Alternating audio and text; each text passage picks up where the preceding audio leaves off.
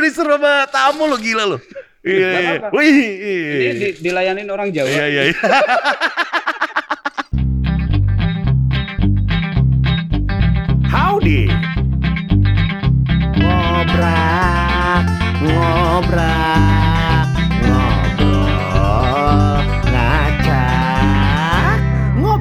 ngobrol ngacak. Gofar Mandi Sokin balik lagi di ngobrak, ngobrol ngacak. Kali ini gue eh, kedatangan teman gue yang, waduh ini sombong banget cuy, susah banget dihubungin. Setiap dihubungin dia gak pernah mau. Aduh Gofar apa sih? Viewernya kecil lu Far, Youtube lu gede gitu. Orang lu ngehubunginnya tuh pakai eh mama butuh pulsa nih. Ngapain bales? Ada Alit Susanto. Ega. Sekut. Eh, kita nggak berdua, kita berempat. Duanya lagi botol ini. Ih. Alit katanya gue mau 6 botol, Far. Gue pengen ngerasain. Gue pengen nginep di kantor lu katanya gitu. Kapan lagi dibungkus gofar gitu. Disobek lagi. Biar ketahuan pedes. Kalau pakai staples. Kalau pakai karet, karetnya dua. Eh, iya. Enggak ketebalan dua karetnya. Apa? Enggak ketebalan kalau karetnya. Empat kalau gitu. Oke. Iya, biar imbang. Iya. Lihat, ini di depan kita nih, lihat. Kita ditemani sama Johnny Walker Black Label. Ada dua jenis. Oke. Ya nggak? Jadi ini yang menemani kita nih. Mhm. Ya. Bedanya apa sih, Par? Wah, bedanya nih kalau yang si apa namanya Space yang origin, Mhm. ini agak fruity. Oh, ada Johnny Ada. Walker yang Ada rasa apel-apel hijaunya di sini. Wih, kayak di Malang dong ya. Wih. Kota kelahiran Steve Jobs. Kok bisa? Apple. Kota Apple Oh iya benar. ada di mana? Di Malang. Ya. Eh, Boleh lanjut? Ya. Sekarang mau ngasih produk nulis nih. Yang hijau apa? ini lowland nih. Lole. Nah, kalau lowland ini tuh lebih apa ya? Lebih smooth. Gitu. Iya. Gue suka sih yang smooth-smooth gitu. Iya, gitu ya. Jadi ini ada dua koleksi nih, berupa eh, 12 tahun blended 4 Scotch Whisky. Ini disebut Origin Series karena masing-masing mewakilin rasa dari empat penjuru Scotland. Wah, mantep. Ada Highlands, Speyside, Lowland, dan Islay. Jadi beda dengan Johnny Walker Black Label yang reguler. Yang sekarang nih di depan kita nih, ini ada JW Black Label Speyside Origin dan JW Black Label Lowland Origin. Jadi Speyside Origin punya rasa yang light, ada fruity-fruitynya, terus ada rasa-rasa apple hijau sama buah-buahan lainnya nih. Dibuat eksklusif dari single malt yang ada di daerah Speyside dengan whisky dari penyolingan Cardu dan Glendulan. Nah, kalau yang Lowland Origin punya rasa yang manis kayak gue, karakter creamy, vanilla dan gula-gula. Wow, seger daddy. Dibuat eksklusif dari single malt dan grand whisky dari area Lowland termasuk Glen Kinchy dan Cameron Bridge. Wah, dari namanya udah ribet tuh, tapi enak. Jadi mau yang mana dulu nih? Yang smooth dulu lah. Ya, sini sini.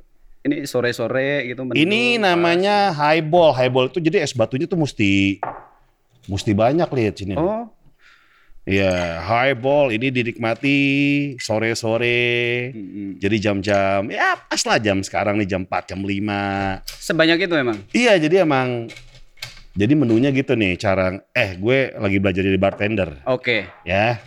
Nih. diserut aja kali ya.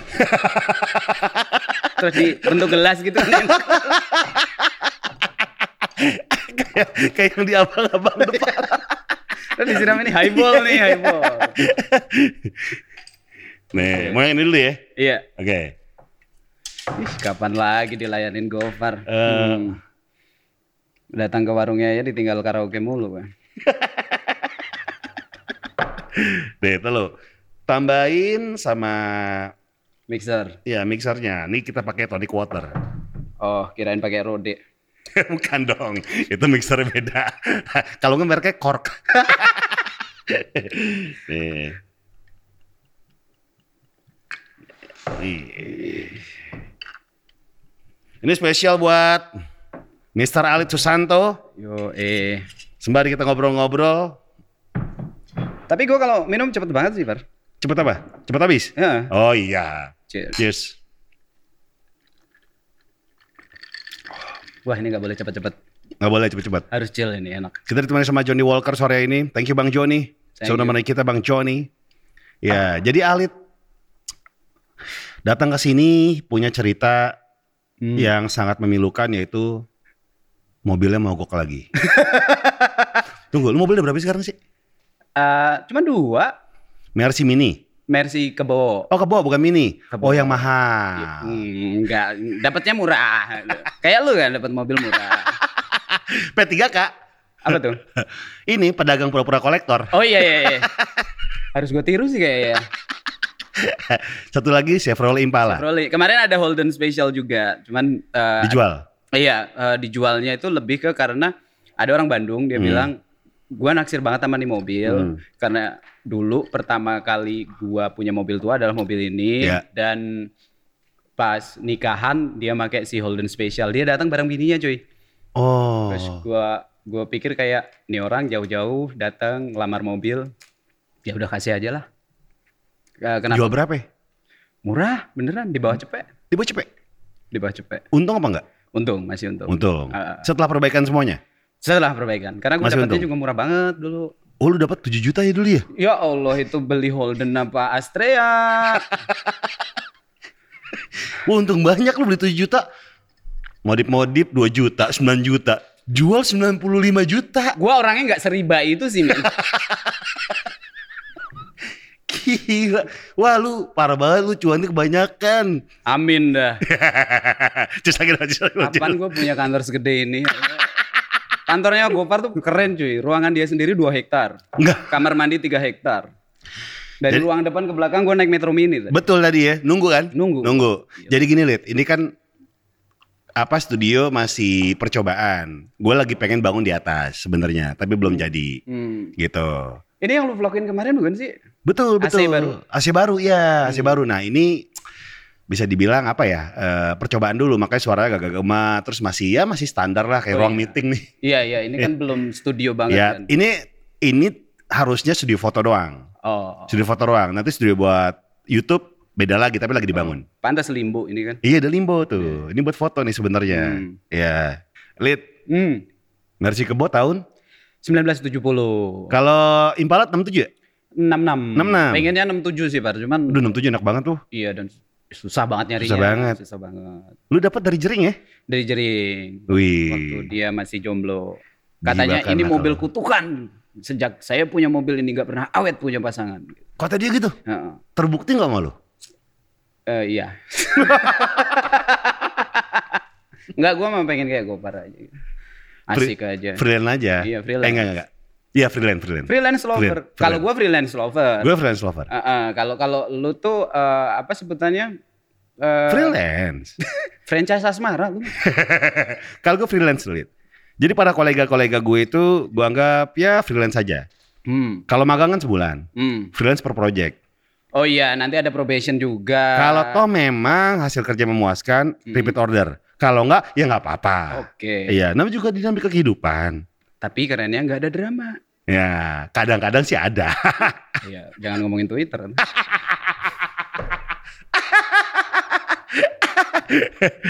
Lid, seberapa peran Twitter mempengaruhi karir lo, Lid? Oh parah, kalau kita ngomongin karir ini panjang banget kita ngobrol nggak apa-apa kan? Enggak, ya men. Ini namanya ngobrol, ngobrol ngacak. Jadi Oh, iya. seberapa panjangnya dijabarin sama gue. Oh iya kemarin sama Umi Miing lu hampir dua jam kayaknya. Iya, sama Toro waktu itu. Oh iya, Wah, kacau. itu kalau nggak diedit tiga jam lebih. Karena ada momen kita diem-dieman. Eh, kok kita diem? Oke. Kalau ngomongin Twitter ya, impact-nya apa? Eh, base-nya gua tuh memang dulu tuh kan kuliah itu kan nggak pernah masuk ke kepala gua bahwa gua bakal bakal kuliah gitu waktu Iya, dari kecil. Gitu. iya. Makanya gua masuk STM karena waktu itu mikirnya lulus STM mah gua bisa Langsung punya kerja. teknik, ah, Iya. ah, entah itu pekerjaan, entah bikin tempat servis rice cooker sendiri gitu. Iya.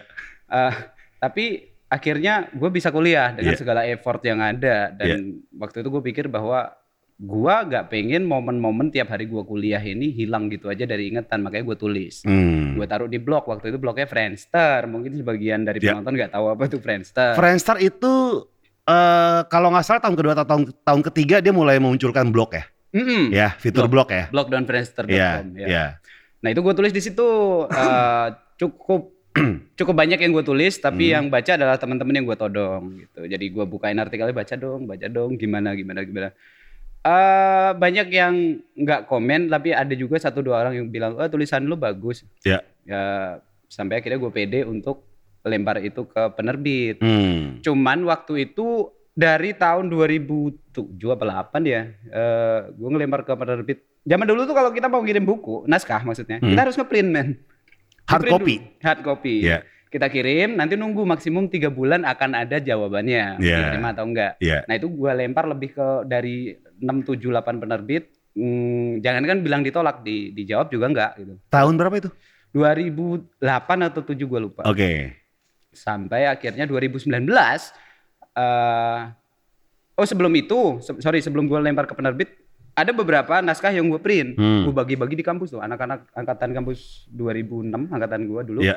pasti pada Oh jadi gerilya dulu nih. iya DIY dulu nih. betul Mungkin kalau teman-teman yang musik-musikan pang dulu pakai zin gitu kan fotokopi Betul. disebarin gitu ya. Ah. Ya ya ya. ya. nah gua gua print gua jilid gua bagi ke teman-teman nggak usah bayar baca aja dulu nanti yang penting ada komen bayarnya ke gua Itu di SMA atau di kampus? komen. kampus Di kampus. kampus. Oke, terus SMA gue STM cuy nggak nggak sempet gitu. Oh iya STM ya. Gak sempet gituan.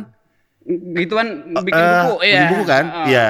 SMA Iya. mah sempetnya bagi-bagi gear, obeng. STM. Pala gitu. Gesper. Oh, gue jadi inget zaman STM gue gesper gue apa coba? Apa? Palanya MXPX. Wih. Yang lancip-lancip. Yoi. Jadi enak di ayun. Iya. Ini apa eh, logonya Max PX ya? Iya. Yang bocah kecil Iya, itu. ya? Yang rambutnya lancip-lancip men. Kelihatannya stylish tapi berguna men. nah itu gue bagi-bagi di kampus, gue minta mereka ngasih komen jujur gitu dan Lu nggak narifin harga modalnya, fotokopiannya lu kasih gue Enggak, enggak? enggak. Gratis aja gitu. Iya, gue yakin gak, gak ada yang mau beli waktu itu ya. Oke. Eh, siapa gue gitu. Iya. Hanya sebenarnya motivasi gue adalah selain untuk mendapatkan kritik dan saran, adalah mendapatkan semangat dari Oke. teman. Oh tulisannya bagus. Jadi gue lebih pede untuk Untuk ngajuin nulis ke lagi. penerbit. Iya. Nah, Ah. Akhirnya gue ajuin tuh eh, beberapa penerbit. Dulu caranya tuh gue belum googling penerbit apa enggak. Tapi gue datang ke Gramet, terus gue cek di belakang buku kan biasanya ada nama penerbit dan Iya, alamat. iya, redaksional ya. Betul. Ah. Nah akhirnya gue kirim, kirim, kirim, kirim, nggak ada yang balas cuy. Sampai akhirnya tahun 2009 Mm-mm. ada satu penerbit namanya Gradient Media Tama. Mm-mm. eh nerima naskah gue. Wuh gue udah seneng banget tuh cuy. Akhirnya Mm-mm. gitu. Akhirnya buku gue bisa rilis. Nah gue nunggu tuh 6 bulan. Heeh. Kan kalau bu- pe- pe- penulis Iya. akan dapat gaji 6 bulan kemudian. Hmm. Setelah perhitungan dalam 6 bulan ini laku berapa, nanti Hmm. kita dapat royalti ya cuma 10%. Betul. Gue nunggu 6 bulan, gue dapet duit cuman satu setengah juta Dari royalti. dari royalti. Oke. Nah, Lu dan- pas nerima itu bangga sekaligus miris atau gimana? betul. Waktu itu gue mikirnya masih bangga. Dalam artian ini banyak masih ada orang yang mau beli tulisan gue. Menghargai. Oh, iya, Iya. mau menghargai tulisan gue dengan membeli. Nah, tapi kebanggaan itu nggak lama bertahan. Karena? gue baca di Goodreads reviewnya banyak balikin duit gua anjing tulisan lu jelek anjing alay kayak gitu Itu buku pertama judulnya apa? shitlicious Oh, Silicious. itulah kenapa Oke. jadi ID Twitter dan Oh, Karena itu shit itu- berarti kotoran manusia ya, tai ya? Ya kalau ngomongin arti har- eh, dari dari perpaduan kalimat itu shitlicious itu adalah eh, shit kan kadang kita ngomongin kotoran itu jijik Iya, iya. nggak mau bla Iya, bla iya. bla. Tapi kalau bayangin kita nggak nggak bisa boker men. Hmm. Seminggu aja. Ya, Gimana hidup lo? Makanya gue bilang shitlicious, eh, shit sometimes delicious. ya. Eh, hal buruk apa pun yang terjadi dalam hidup itu sebenarnya punya makna tersendiri dan itu kadang juga ada kenikmatan sendiri gitu. Hmm. Every every shit happens for a good reason. Menurut gue gitu. Karena kalau nggak ada shit, Mhm. eh, nggak ada hidup lo tuh nggak berwarna gitu ya. Betul. Lo nggak bisa belajar dari sesuatu. Betul. Makanya Iya. gue gue juga eh, sangat yakin bahwa orang orang seperti kita ini yang yang suka karya kreatif, hidup kita harus resah, harus punya masalah. Gue percaya Lid ya, hidup itu harus kayak baterai Lid. Gimana tuh? Harus ada positif dan negatif itu berbarengan. Aha. Karena bisa berpikir jernih. Aha. Iya, jadi dan bekerja pada akhirnya Hmm. gitu. Karena kalau kita positif terus nggak ada negatifnya, negatif itu perlu diperlukan buat mawas diri. Oke. Iya, buat jaga-jaga Oke. gitu. Buat sikap kritis Mhm. gitu. Itu diperlukan buat yang itu aja. Hmm. Kalau negatifnya. Hmm. Kalau positif ya semua udah tahu lah ya. Iya, iya. Biar bisa bekerja berbarengan. Iya, kalau terlalu positif juga ujung-ujungnya kita dibegoin orang juga sih. Iya cuy, iya. Kan hidup kita itu tidak perlu menyenangkan semua orang. Iya, ya iya. kan? Iya. Begitupun juga dengan lu. Tadi lu bilang karya lu dibilangnya wah apa ini jelek segala macam. Ya mungkin dia bukan pasar lu mungkin ya. Mungkin. Iya. Atau ekspektasi ekspektasinya tinggi. Iya. Nah, ini kembali ke Twitter ya, sorry. Ya. Eh, habis baca itu semua instead of going down, gue Mhm. gue baca lagi buku gue. Oke. Karena makin lama kita baca atau lihat ulang karya kita, kita akan Heeh. lebih objektif pada diri sendiri. Heeh. Mungkin aw- awal kita bikin karya kita ngeliat, wah ini udah bagus. Mm. Tapi kalau kita udah tonton berkali-kali, kita akan nemu kurangnya di mana, salahnya di Iya mana. iya. Akhirnya waktu itu gue nyadar bahwa kesalahan gue adalah terlalu mengikuti Raditya Dika. Ah. Gaya nulis gue Radit banget. Bi- menurut gue ya eh, nggak akan bisa gitu. Radit Radit, gue gue gitu. Hmm. Akhirnya apa? Gue sebagai penulis hal yang wajib dilakukan adalah mencari referensi dan itu gak boleh cuma satu jangan radit semua gitu gue dulu baca Aditya Mulia juga Hmm. Hilman Lupus Gofar Hilman. Beda buku lu kan ya khotbah ya nggak penting itu. Eh, tapi gue pengen mengulang sih masa-masa itu Wah nanti kita bicarakan tuh. Yuk. Masa-masa kemasan Twitter. iya Twitter itu asik kita gitu. kita akan ngomongin soal itu ya nanti Iya, ya. iya. Oke, terus abis itu oke, Raditya Dika, Iya. lu pernah kabarnya lu pernah jadi resellernya bukunya Radit, bener gak sih? itu Bena Itu Bena. itu Bena Bukan lu? bukan Oh. itu Bena Gua Oh Bena jadi resellernya. Betul. Tapi kalau tuh terinfluence banget. terinfluence banget kalau Bena gua gua bisa ngelihat waktu pertama kenal dia tuh sangat terinfluence oleh seorang Radit secara kreativitas Hmm. Kayak, gue kadang sampai curiganya ini orang sangat sangat ngagumin Radit segininya jangan-jangan Radit jadi bacol gitu Mungkin. tapi, tapi Lid, tapi Lid, pada saat kambing jantan itu, Mm-mm. semua anak muda yang cowok-cowok ya kayaknya, ya wah gue pengen jadi dia deh. Hmm, Soalnya ini ada anak cowok yang underground, underrated gitu kan. iya, iya. Maco kagak gitu kan. Tapi kok bisa disenengin sama semua orang gitu kan. Iya, Termasuk mungkin lu ya? Iya, iya, iya. Eh gue mikir dulu kerennya Radit itu adalah bisa mengemas. eh, Sebenarnya kalau kita ngomongin benang merah, hidupnya ya biasa. Hari itu biasa aja. Cuman waktu gue pelajari lebih dalam lagi, oh cara dia menggambarkan sesuatunya ini loh yang beda. Cara dia menceritakan itu loh. Oke. Akhirnya, Sesuatu yang kayaknya santai banget, yang biasa terjadi sehari-hari, hmm, diceritain itu dengan dengan cara dia. cara yang menarik. Oke. Dan faktanya yang suka kam- buku Kambing Jantan waktu itu tuh Iya. juga banyak cewek juga dan Iya. akhirnya gue ngambil eh, kesimpulan di kepala gue sendiri bahwa oh cewek itu suka cowok yang pintar bercerita, Oh. pintar ngomong, pintar cerita.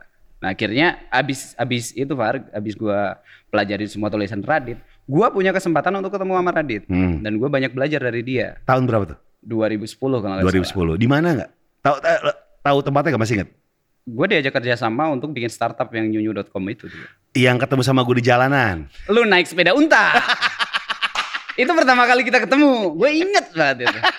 inget banget. Di jalan aja Jian Aji depan Jian. sekolah mentari. Betul, Iya, sebelah lu rumah sama sakit. si Arif Muhammad sama Bena. Iya, kita di mobil, lu Lagi naik mobil. sepeda lu tuntun. Iya, sepeda ontel. Iya. Iya. Tua. Waktu itu zamannya fiksi. Iya. Waktu itu gue udah lihat nih anak beda ya. Ini anak spesial. Seperti Holden. udah laku. eh, maaf. Gue tuh klamsi banget anjing. Tuh, satu. Satu kosong. belum, gue belum mabuk Oh, anjir. iya, kita nggak nyari mabok di sini. Iya emang. Pria dewasa itu minum di saat kita lagi seneng. Oh iya, Ya, bukan lagi sedih. itu pelarian. Iya, itu pelarian dan nggak akan kelar masalah. Iya. Dan kita akan berhenti minum di saat kita tahu kita akan mabuk. Hmm, Gitu. bener. Enggak Meskipun kadang-kadang kita ceroboh ya. sampai muntah ya. Iya, tapi yang terpenting kita adalah bertanggung jawab. Oh iya. Nggak boleh nyetir, nggak boleh dilakukan dengan bertanggung jawab dan tahu kapan waktunya. Oke. Gitu. Kapan waktunya? Itu penting. Sekarang waktunya karena highball. Balik lagi ke Nyunyu. Pada saat kita ketemu bertiga, lu kan masih di Nyunyu tuh. Iya, baru Nyunyu baru mulai. Arif Muhammad, Hmm. Bena Kribo, lu dan Radit bener ya? Iya, betul. Iya. Betul. Nyunyu tuh kayak apa sih website anak muda gitu ya? Portal portal website anak muda karena waktu itu kita pikir kayak gini, eh, back then in 2010 ya, Hmm. eh, kayak kita mikir kayak majalah-majalah anak muda. Iya. eh, hai, aneh kayak boleh sebut gak sih? Boleh, boleh, Nah, boleh. bahkan semua media cetak itu mereka tidak catch up ke digital secara totalitas gitu Hmm. Iya. kecuali ya kayak cuman jadi showreel doang gitu. Nah kita pikir bahwa eh, kita mikir ke depannya ini makin banyak orang yang eh, ngelihat apa pun dari smartphone. Hmm. Kenapa kita tidak sediain di situ? Hmm. Makanya kita bikin si nyunyu.com ini sebagai portal anak muda. Tahun berapa nih? Sorry.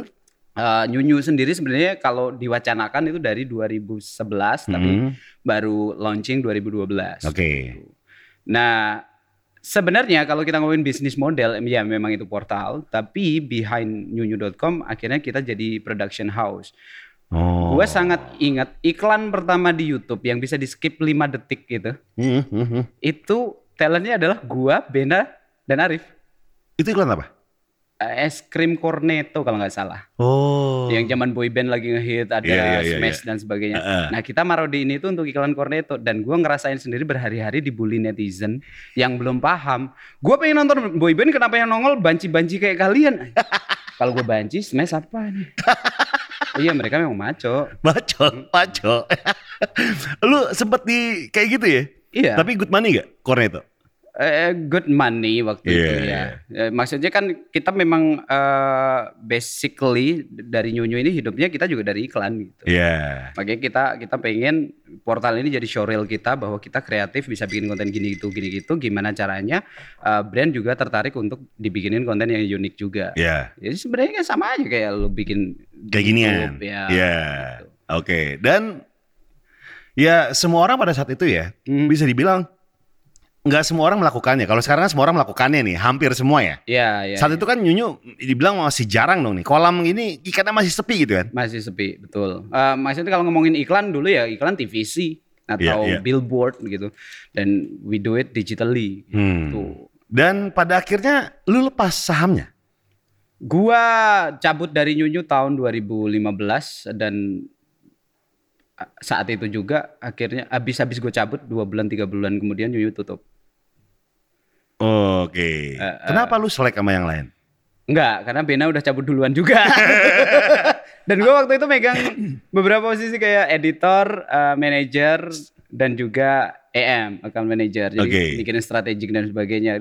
Pusing banget, par gitu. Terus gue sempat mikir bahwa ini kalau gue spend eh, effort, waktu sekian banyak tiap hari, Iya. tapi ujungnya duitnya masuk ke perusahaan, ini sih eh, nggak worth it. Gitu. Buat lo. Ah, ah. akhirnya gue pikir dengan segala effort di mana gue tuh memang workaholic waktu itu Mm-mm.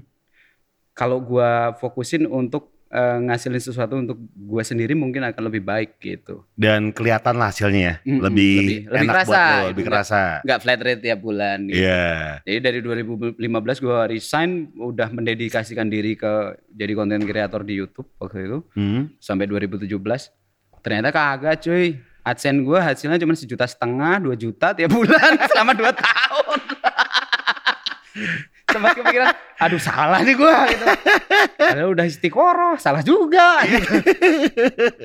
tapi itu semua berbalik tahun 2017 Iya. mulai ada hasilnya Mulai ada Karena hasilnya. brand-brand udah mulai percaya ke digital Iya, mereka iya. masang iklan mereka bi- berani bayar untuk eh, video berbayar Iya, iya. akhirnya oh ternyata jadi YouTube itu duitnya bukan AdSense Hmm. gitu Oke. Eh, berarti bukan Slack dong. Enggak, enggak ada selek. Gua sama Arif sama Bena itu masih sahabat banget sampai sekarang juga masih. Hmm. Walaupun secara frekuensi bertemu udah sangat jarang ya. Iya, iya. Tapi secara kalau kita ketemu quality time. Hmm. Kayak kemarin gua sama Bena ke Singapura berdua ngobrol-ngobrol-ngobrol. Eh, gua ketemu sama Arif ngobrol-ngobrol-ngobrol. Arif ada bisnis apa bisa gue support ya gue support gitu. Oke. Kalau Bena cabut kenapa? Bena. Hmm. eh, Sama kayak lo permasalahannya. Enggak. eh, kalau Bena ini, ini rahasia dapur sih. Selek sama, selek sama Radit. Enggak, enggak. Dia enggak enggak selek gila, enggak. Dari nyunyu.com keempat itu. Hmm. Bena, Raditya Dika, Mm-mm. lo sama Arif Muhammad. Hmm. Yang duluan keluar siapa? Bena. Bena. Eh, Bena duluan cabut eh, karena Bukan selek sama salah satu dari kalian. Enggak, itu ini lebih ke visi sih. Maksudnya visinya Bena itu beda. Bena kan memang unik ya. Kalau kita ngomongin creativity gila tuh anak udah bikin konten YouTube sebelum 2010. Hmm.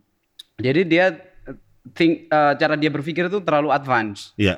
Nah, untuk Nyonyo kan eh, kita mau adaptasi dulu nih masyarakat belum semua tahu nih. Iya, gitu. belum siap lah. belum siap. Ah. Bena itu udah jadi kreator sebelum ada youtuber gitu. Iya, iya, dia iya. udah pengen ke sana sana sana sana dan dia nggak bisa tahan kalau harus ngikutin fase kami. gitu. Oh, yang lambat itu. Betul. Akhirnya cabut. cabut untuk bikin sendiri Indofitgram. Indofitgram. Ya. Oke. Nah, terus Arif sama Radit, eh, kalau Arif juga sudah mulai sibuk dengan eh, personal branding dia di YouTube. Iya.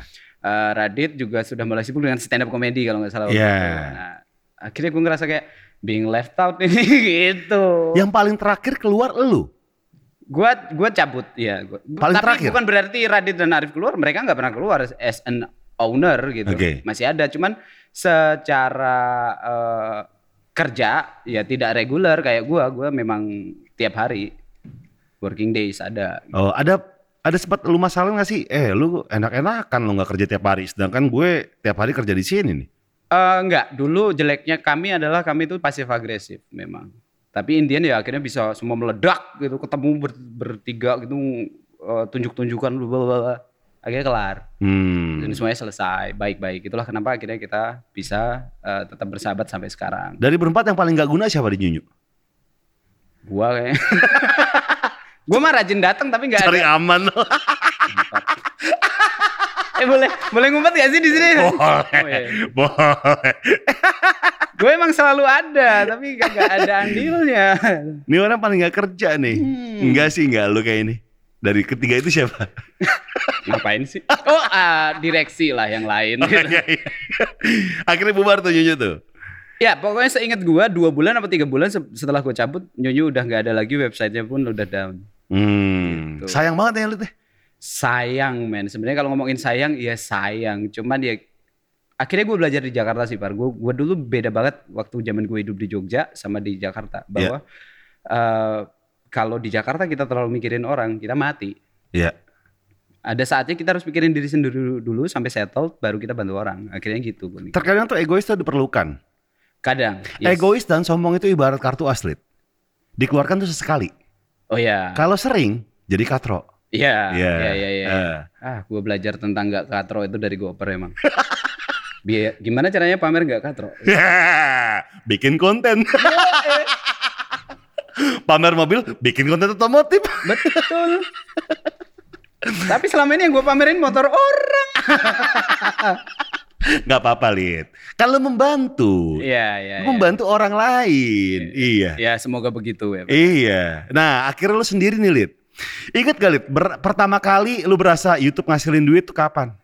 2017. 2017. Ya, AdSense? tahun. Eh, Atau kar- dari iklan dari yang masuk? dari video berbayar sih. Oke. Cuman akhirnya juga balance karena mulai tahun itu eh, konten-konten gue juga udah mulai naik. Akhirnya AdSense-nya juga mulai kerasa lah. Kita nggak bilang itu gede AdSense Iya. itu nggak pernah gede. Gue gue yakin kayak Gopar juga paling nyariin AdSense tiga bulan sekali, empat bulan sekali nggak langsung tiap Nah. dikeluarin.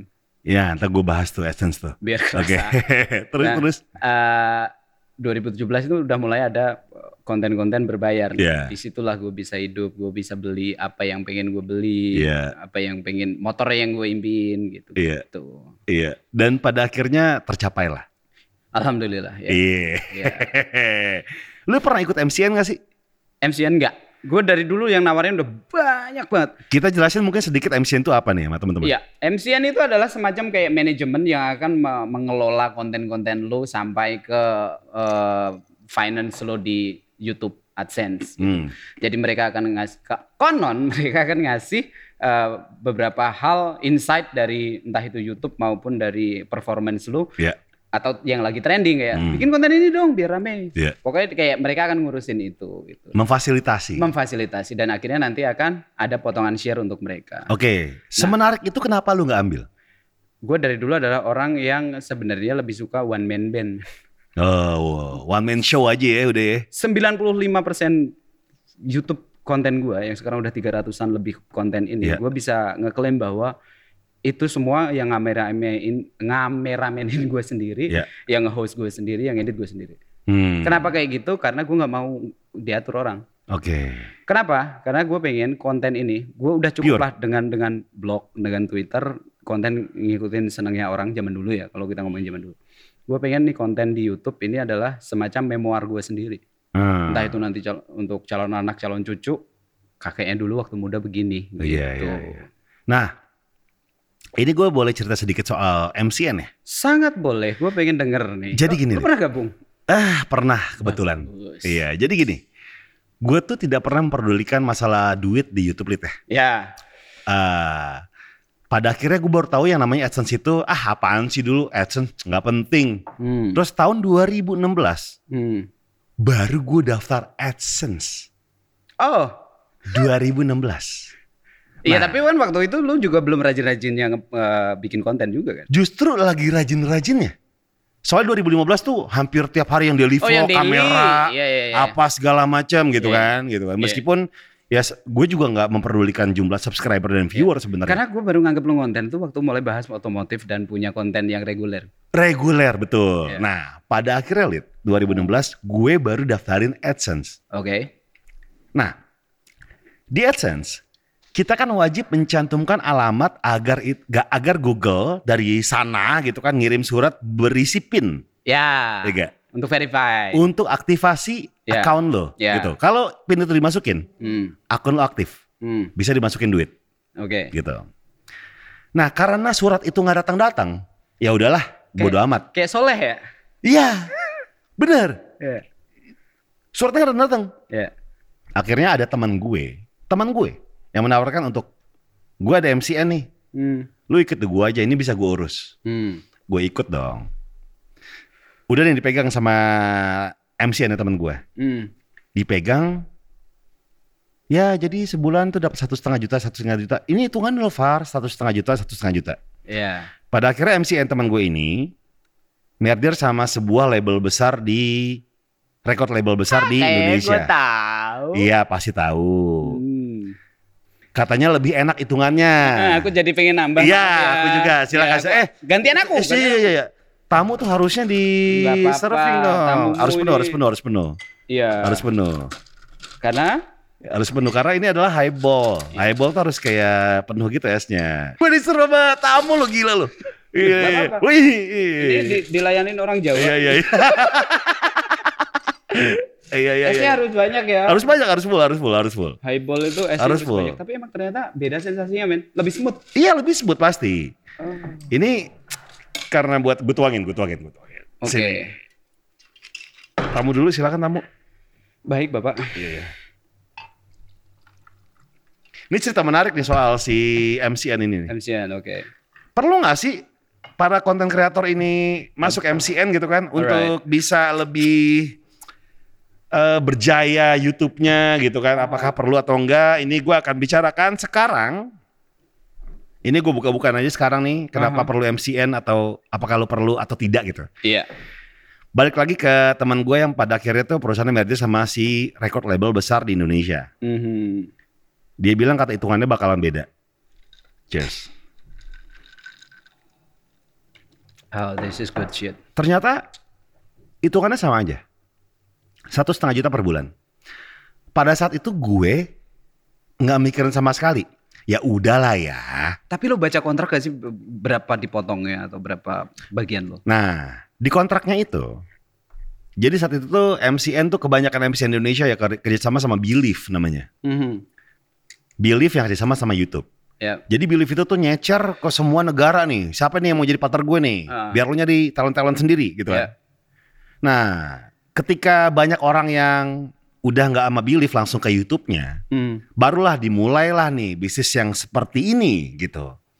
Oke. Nah, saat itu ketika gue ngasih duit satu setengah juta per bulan, oh ya udahlah. Terus agak mengganggu. Ini gue nggak ngomongin duit ya, Iya, tapi iya. mulai agak mengganggu Iya. ketika ada teman-teman gue yang, Far, kok lu segitu sih sebulan? Nggak mungkin cuy. Teman-teman lo yang ikut MCN juga atau tidak? Yang tidak, Ah, oke. yang tidak, Ya. gitu. Nggak mungkin cuy kata dia gitu. Hmm. Baru nih, gue mulai memberanikan diri untuk bukan memberanikan diri sih lebih tepatnya untuk kayaknya gue harus lebih aware sama AdSense yang lebih yang udah masuk deh. Oke. Tadi gue gak peduli cuy. Ah. Dan lu tahu, baru hmm, kurang setahun inilah gue sendiri. Serius? Kurang setahun ini sendiri. Oh, karena dulu terikat kontrak. Iya dan gue nggak mem- nggak mempermasalahkan uang. Oke. Pada akhirnya ketika uang yang masuk itu kok bukan 10 kali lipat lagi. Tapi kok 100 kali lipat. sih. Wah, Gopar tiap bulan 150 juta dari aku. Enggak, enggak, enggak, enggak, enggak, enggak, enggak, enggak nyampe, enggak nyampe. Kadang-kadang enggak nyampe, enggak nyampe, tapi enggak nyampe. Nah, di situ gue mulai merasa bahwa oke, Hmm. kita breakdown nih. Bagusnya MCN menurut lu apa? Um, mungkin ya, eh, karena gue belum pernah gabung MC. Iya, iya, iya. Kalau kita ngomongin eh, apa yang mereka tawarkan ya. Networking lah ya pasti. Networking, di mana kalau memang kita konten creator yang tidak punya link, Ya. tidak punya kenalan ke klien dan sebagainya, ya mungkin itu akan dibantu dicariin klien yang mau bayar. Iya.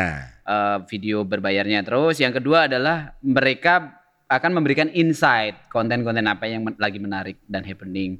Itu aja sih kayak. Hmm. Selain itu gue gak peduli. Terus gue nanya nih sama teman-teman gue yang masuk MCN nih. Hmm. Men, lu kalau misalnya datang ke sebuah manajemen gitu kan, Hmm. lu masuk gitu kan. Hmm. Mungkin dia nggak punya yang namanya anak emas. Oke, meskipun duit itu sekarang bagi gue adalah ya udah buat uang-uang beli velg aja gitu kan, bukan Ah. buat yang lain gitu kan. Ya. Dan gue nggak pernah mempermasalahkan kok bulan ini duit gue kecil ya dibandingkan bulan kemarin sama sekali enggak. Ya. Kok viewer video ini lebih kecil daripada viewer video kemarin sama sekali enggak. Ya. Karena bagi gue orgasme gue adalah ketika mengupload udah. Yep.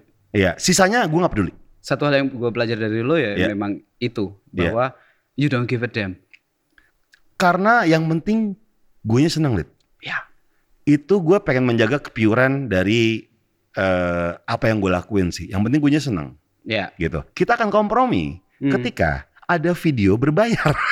iya. Itu mau nggak mau. Iya kayak kita harus motorsport kemarin kan. Iya betul. si, si doyan sekali saya modelnya. Tapi kan eh gue ngasih kelebihannya oke. Gue kelebihannya. Ke, kejelekannya ya nggak gue omongin. Les- Sama kalau gue nge-review juga gitu. Beda ya review dan Omonginnya dikit lah. iya. Gitu. Eh, klien kan biasanya gitu. Eh, yang baik-baik sebutin kalau ada yang kurang feedbacknya ke kita aja Iya. untuk kita benerin oke itu berarti masih punya eh, apa namanya Eh, Profesionalitas. Iya. juga Karena gue gue merasa bahwa lu sama gue itu Hmm. nggak jauh beda lid. Kita kadang-kadang berada di fase yang namanya talent. oh ya Iya. Kadang-kadang di fase yang namanya kreator yang pure aja udah. Ah, Yang kita pengen upload, ah. yang pengen pengen kita buat, apa yang kita pengen buat. Tapi bareng barang Johnny Walker ini nggak berasa talent men Iya mentos tuh. terlalu seru Iya. Lagi dong Joni. Iya, gua gua gua padahal dukung banget nih Bang Joni nih, sering banget mampir ke kafenya. Daily vlog lah langsung kita berdua malit. Kopi Bang Joni.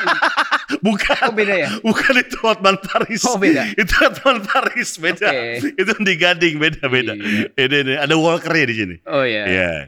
Jadi apakah balik lagi nih Lid, apakah teman-teman di sini perlu MCN buat para youtuber? Menurut lu gimana? So far gini ya dari dari pengalaman gue sendiri, eh, despite of my eh, past being eh, creative content creator di platform lain, menurut gua sekarang brand itu juga udah pinter Iya. bahwa mereka itu bisa picking eh, talent atau influencer based on kontennya. Kalau Iya. kontennya memang happening dan viral, mereka akan dipilih. Bahkan kalau kita ngomongin korporasi atau misal PH atau apa pun, Hmm. sekarang itu udah banyak yang cara bekerjanya udah bukan ketok pintu, ini showreel kita mau Hmm, kita bikin iklan, tapi sometimes they do their work dalam artian misal hari ibu mereka bikin konten yang viral sendiri, Hmm, atau hmm. brand yang akan nyari gitu. Kalau lu ngerasa nggak punya link, coba deh bikin konten yang memang menarik, memang bagus, yang memang bisa eh, nantinya mengangkat sebuah brand. Brand akan datang sendiri, menurut Oke. gue gitu. Oke. Jadi yang diperlukan adalah kejujuran aja ya. Kejujuran dan Lu jujur branding. aja. Dan branding. Iya. Kalau branding lu tepat, iklannya yang datang juga akan tepat. Makanya gue dari dulu tuh kalau iklan yang datang juga sesuai gitu. Hmm. Misal kebetulan nih ya, gue suka otomotif, gue bikin konten otomotif. Walaupun gue sebenarnya gue akuin gue nggak ngerti-ngerti amat otomotif, Sama. tapi gue suka. Sama, gitu. sama, sama, Eh. iya. Kadang sebelum gue interview orang yang punya mobil apa, gue googling dulu. Sama, sama. Tapi kita suka. suka. Ya mau gimana? Nah, kita bikin konten tentang otomotif mulu, akhirnya apa? Yang datang iklan juga otomotif. Alhamdulillah dari 2017 gue banyak dapat motor gratis ya karena iya, itu. iya. Kita suka, kita bikin kontennya, brand yang datang juga sejalan dengan apa yang kita suka. Betul. Jangan jadi influencer yang asal menarik lalu nerima endorsan pembesar tete. Buat apa? Website judi. Wow. Permen siloko. Eh, tapi BTW gue kalau ngomongin soal brand gue memang bener-bener uh, Picky banget. Picky, picky. Sepiki apa lo? Apa filternya? Filternya adalah satu itu sesuai karakter gua atau keresahan gua. Ya. Contoh ya Gopar, Hmm. kalau lo ingat, gue dulu nggak pernah berewokan anjir. Pada akhirnya lo berewok. Akhirnya gue Dan itu sempat banyak dipin sama orang atau di save sama orang Betul. tips untuk berewokan. Brewok. Iya. Nah, kenapa gua pilih itu? Waktu itu dia naw, eh, si si brand ini nawarin, lu mau nggak promoin produk gua? Gue bilang, ini urusannya sama badan. Iya. Gua nggak tahu ini ntar impactnya kayak seperti apa. Iya. Gue bilang, gue mau coba selama tiga bulan dulu sesuai klaim lo. Gua record sendiri dulu, nggak gue publish ke mana-mana. Gue lihat hasilnya apa, efek sampingnya apa. Kalau udah aman, gue baru berani eh, Ngambil. ngambil jobnya. Oke. Tapi harga gue beda karena gua udah naruh effort tiga bulan. Oke. Disetujui gak? Dia bilang, oke bang, kita siap. Akhirnya bener kejadian. Brewok beneran tumbuh, gue taruh di YouTube viral. Eh, ini ngomongin soal brewok. Ya, Dari nggak ada jadi ada tuh gimana sih? Ini tuh gue pakai si suplemen ini yang ngikutin si brandnya ini tiap hari. Beneran tiap hari. Ini yang susah tuh disiplin ya. Katanya gini, nggak boleh putus. Gak boleh putus. Sekali putus rontok. Ada yang diminum, ada yang dioles. ada yang diminum, ada yang diolek. Maksudnya nggak boleh putus nih sampai si brewoknya jadi keriting ya. Ya Kalau- katanya kalau bulu halus sudah muncul, Heeh. itu nggak boleh berhenti, putus ya? Betul, kalau berhenti langsung rontok ngulang lagi dari nol. Oh. Bayangkan dedikasi yang harus gua taruh di Iya, situ. iya, iya. Selama tiga bulan. Iya. Ini yang harus kita ingatkan juga mungkin ya ke teman-teman bahwa kita itu influencer kita bukan baliho. Oke. Kita mempengaruhi orang, bukan sekedar produk kita tunjukin. Hai, Hmm. lo ingat gak dulu zaman eh, tahu goreng viral, tahu crispy viral, Ya, ya, gua viralin. ya. eh Itu yang mana ya? Lu nge-tweet ya? Iya, gua nge-tweet. Hah. Gue pengen bantu usaha ini nih karena gue gua pikir bahwa mereka ini eh, memang enak produknya gue nggak dibayar waktu itu Hmm. memang enak produknya tapi tempatnya agak tersembunyi gitu dan baru mulai gitu. Daerah mana? da, Nawi eh Nawi sorry Fatmawati Oh iya, iya. iya. waktu itu kebetulan yang punya tuh kenal gue Hmm. terus ngasih satu kotak mas Hmm. foto dong sama produk kita biar rame Ya. yang beli gue bilang jangan jangan foto megang kotak lu doang siapa yang mau beli Hmm. mending gue share sendiri dengan cara lain. Ya. Jadi gue foto candid, bininya tuh lagi goreng tahu, bininya emang cantik cuy gitu. Ya mau gak mau, gue gue bukan mencoba untuk objectify wanita ya, Hmm. tapi kita kembali ke selera pasar. Gue tunjukin di, di di Twitter bahwa gue turun dari stasiun Haji Nawawi, ada tahu eh, lagi lapar pengen ngemil, eh ada tahu goreng, eh yang yang yang jualan ternyata cantik, kok mau ya goreng-goreng gini. Gitu. Oke. Gue foto candid, gue upload dan rame beneran. Ada yang nyerang eh, SJW atau feminis-feminis gitu nggak? I don't give a fuck. Karena Padahal misi lu adalah untuk ngeramein si Betul. itu ya. Dan lu Karena- udah izin sama dia ya. betul, karena Iya, gua iya. gua lihat walaupun ini warung kecil, karyawannya banyak. Hmm. Dia menghidupi banyak orang. Betul. Kalau nih warung bisa gua majuin, Kenapa enggak gitu? kenapa enggak? Dan gua tidak merugikan siapa pun dalam Betul. artian si cewek ini pun juga fine. Yang paling penting adalah sepersetujuan. Sepersetujuan. Iya. Konsen. Tapi kadang-kadang udah Hmm. konsen, boleh masuk, eh di spill. iya, kayak oh, gua nggak mau bahas par yang Jadi gue bilang itu teh, zaman sekarang konsensual dan bertanggung jawab itu nggak cukup. Diperlukan sikap tidak norak untuk tidak spill. Karena itu adalah ranah privat menurut gue. ranah privat ya betul. Betul. Oke, terus tahu itu jadi viral dong. Hmm. Gara-gara lu dong. Jadi viral terus si cewek akhirnya dipanggil sering ke- dipanggil ke TV. Terus selain itu jadi dia disuruh ngisi seminar di kampus tentang Serius lu cuy? sumpah demi Tuhan. Suruh ngisi seminar di kampus tentang eh, apa namanya? Eh, entrepreneurship.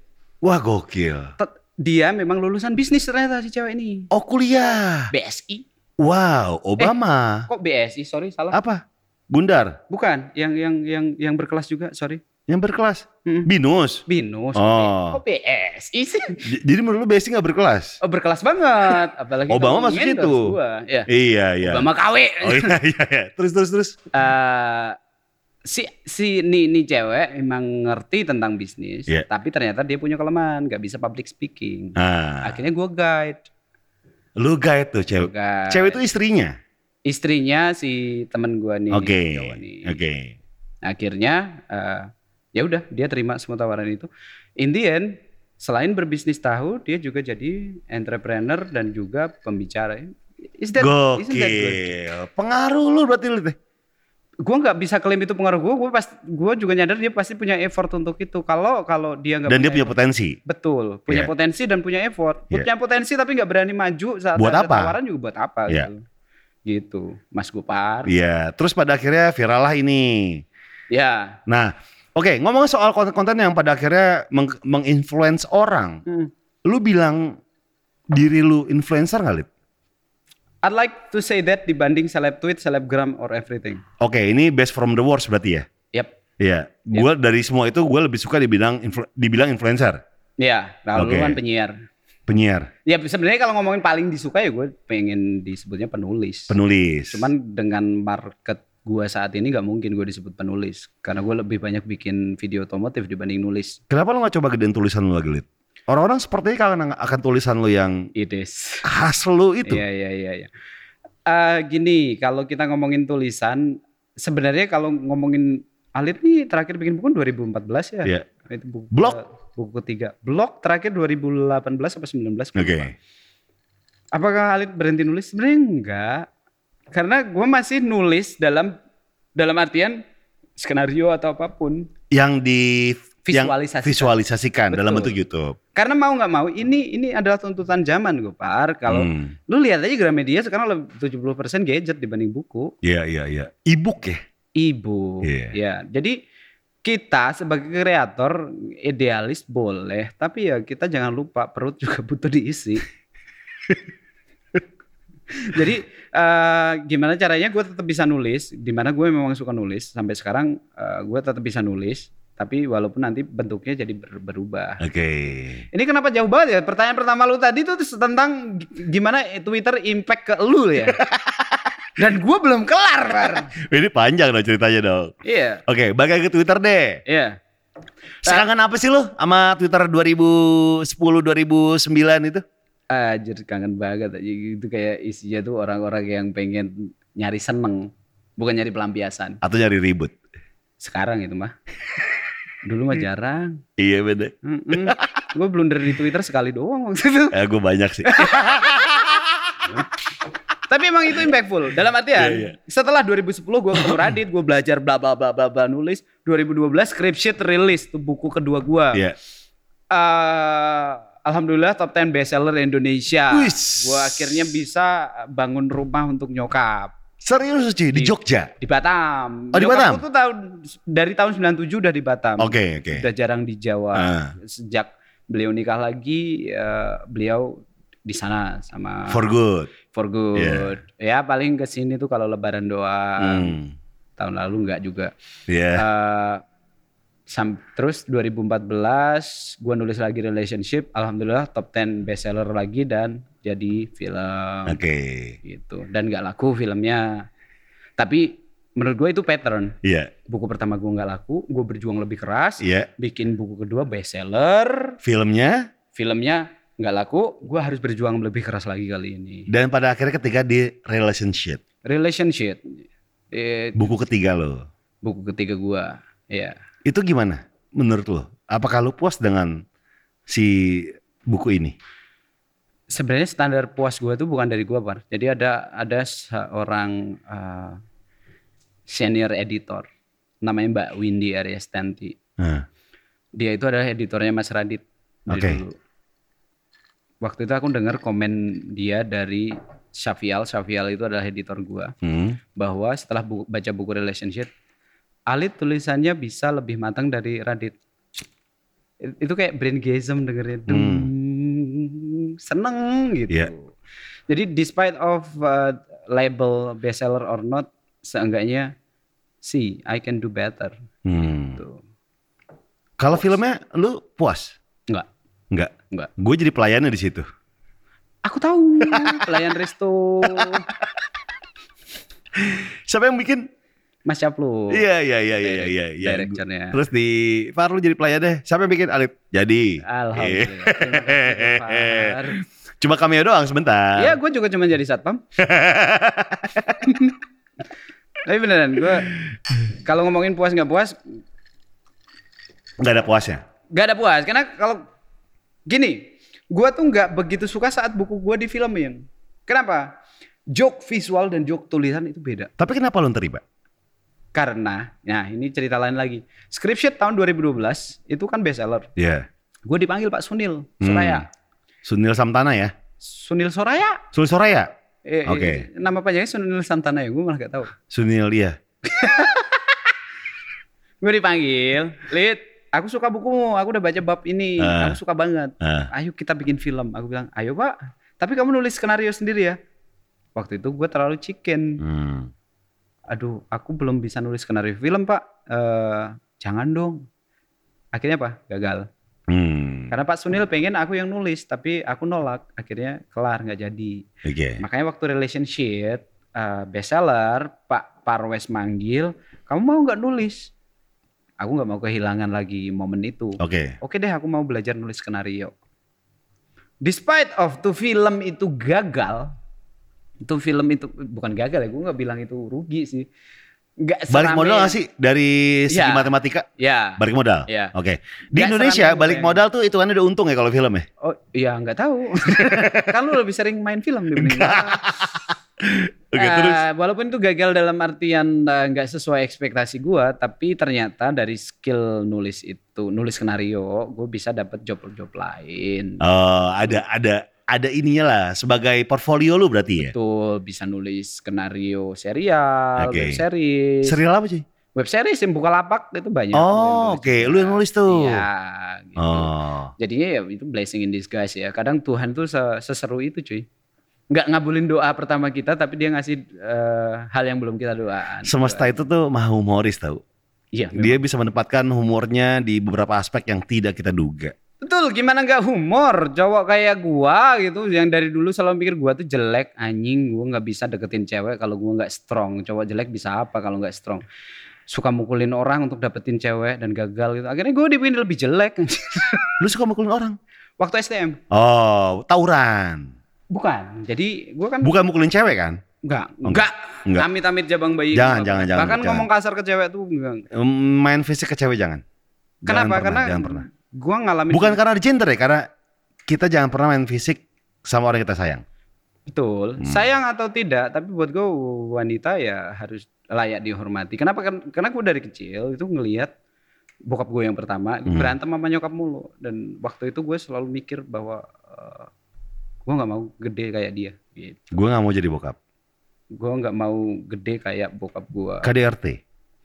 Nggak tahu ya karena gue selalu diumpetin di kamar dulu waktu mereka berantem. Tapi yang jelas gue denger teriakan-teriakan dan itu nggak bisa hilang dari kepala gue gitu. Dia membuat lo trauma.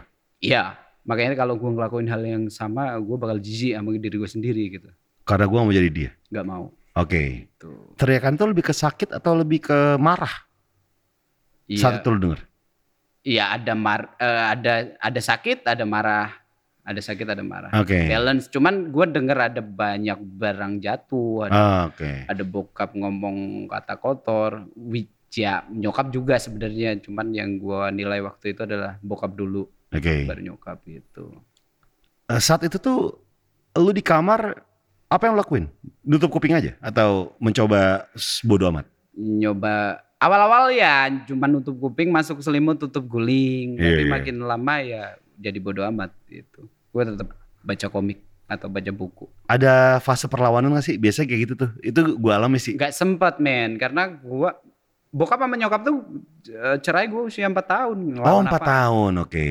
Eh, the thing that breaks me so hard dan gua nggak pernah ngomong ke mana pun ya par. Ya. Ini gara-gara Johnny anjing ini. Gue jadi Joni. pengen jujur. Ya. Apa yang lakuin? Bukan. Apa yang bikin eh, gua berbeda adalah gua dari usia tiga tahun gua sakit lupus yang dikejar eh yang diserang ginjal. Berarti autoimun ya? autoimun. Oke. right. Tiap gue makan apa pun yang berbau garam, badan gue tuh langsung melepuh semua, gede. Dan kalau diginiin bunyi cuk cuk cuk isi air. Waktu kecil itu? Waktu kecil, gue usia tiga tahun dan gue nggak bisa blame kayak "Ah, gue salah apa ya Tuhan. Iya, iya. I just do it gitu. Iya. Eh, tapi in the end sebelum gue sembuh bokap gue cabut. Itu yang menanamkan di pikiran gue sampai sekarang bahwa bokap cabut gara-gara gue ya. gue ngerepotin dia dari kecil ya gitu Oke. apakah dia kasar ke nyokap itu gara-gara gue Ya. apakah dia capek gara-gara gue dan itu bikin gue sampai sekarang berpikir bahwa apa sih gunanya gue hidup di dunia gitu orang tua gue aja gue repotin turns out akhirnya juga belakangan gue berpikir bahwa kalau kalau gue dari kecil aja udah ngerepotin orang makin ke sini gue pengen lebih banyak bantu orang deh gitu Berarti lo pernah berada di fase gue nggak berguna nih. berkali-kali par berkali-kali Berkali-kali. berkali-kali Ketika saat itu tuh apa yang lo lakuin, Dit? Ketika lo merasa kayak gitu? Eh, FYI, mungkin nggak tahu, Gofar tahu atau enggak. Gue gue dari kecil tuh nggak ada set- setelah nyokap sama bokap pisah kan. Gue gue hidup tuh dititipin sama Eyang sama Di Pak Jogja? gitu. Kecil gue di Sragen, Oh, Sragen, kota oke. kecil yang bahkan ada listrik aja. Gue SD kelas 2 apa 3 Mereka petani ya? petani. Iya. Kakek gue petani, Iya. nenek gue petani. Dan gue dititipin sama mereka. Gitu. SD gue sampai kelas 2 kalau nggak salah. Tiap hari nyeker. Jalan kaki ke sekolah. Bener-bener sih cuy. Nyeker cuy. Dan orang kampung tuh ngaco. Kadang buang beling itu sembarangan. Gitu. Ke sekolah pinjang-pinjang. Kamu kenapa Lin? Ada bolam di kaki gitu. Jadi kayak di TV-TV bolang-bolang bocah petualang tuh kayak Seriously, gitu. Lo yes. pernah mengalami ya? Pernah ngalamin. Ah, waktu itu gue inget banget kelas 2 kalau nggak salah. Karena waktu itu ada pelajaran olahraga, saling main bola kan. Teman-teman lain punya sepatu, sepatu bola kadang bahkan Iya, pas iya, olahraga iya, gitu. iya, iya. Gue nyeker, gue ditendang-tendang, gue, gue lepas. gitu. Terus gue bilang ke kakek, Eyang aku pengen punya sepatu, sekolah nggak punya sepatu, kakiku nih lo, kukuku lepas gitu. Iya. Sana minta bapakmu gitu. Nah, Waktu itu aku masih tahu rumah bapak. iya. Aku datengin, aku tungguin, eh, aku ketuk-ketuk nggak dijawab. Oke. Aku tungguin tuh berjam-jam. Aku nanya ke bude sebelah karena waktu dulu aku tinggal di sana kan. Iya. Kenal. Bapak di mana? Kayak tadi di rumah itu motornya ada di depan. Iya tapi nggak dibuka pintu. Ya mungkin pergi tunggu aja. Aku tunggu sampai menjelang maghrib. Namanya bocah menjelang maghrib kan harus pulang. Betul. Iya kan, pengen sampai rumah dimandiin kasih bedak makan. Iya, makan. iya. Nggak ada ya udah gue pulang sepedaan lagi pulang hujan tuh cuy gue nangis di jalan kayak gue tuh diharapin gak sih ya, bokap gue sebenci itu ya sama gue ya Lu gitu. merasa bahwa bokap lu ngumpet gitu? Mhm, walaupun mungkin waktu itu beliau pergi ya Oke. cuman ya karena itu tadi gue masih menyimpan di diri gue bahwa bokap gue ninggalin ke keluarga ini gara-gara gue gitu Gua dianggap ada gak sih sama dia gitu ya? atau dia sebenci itu sama gue karena gue dulu sakit-sakitan Oke.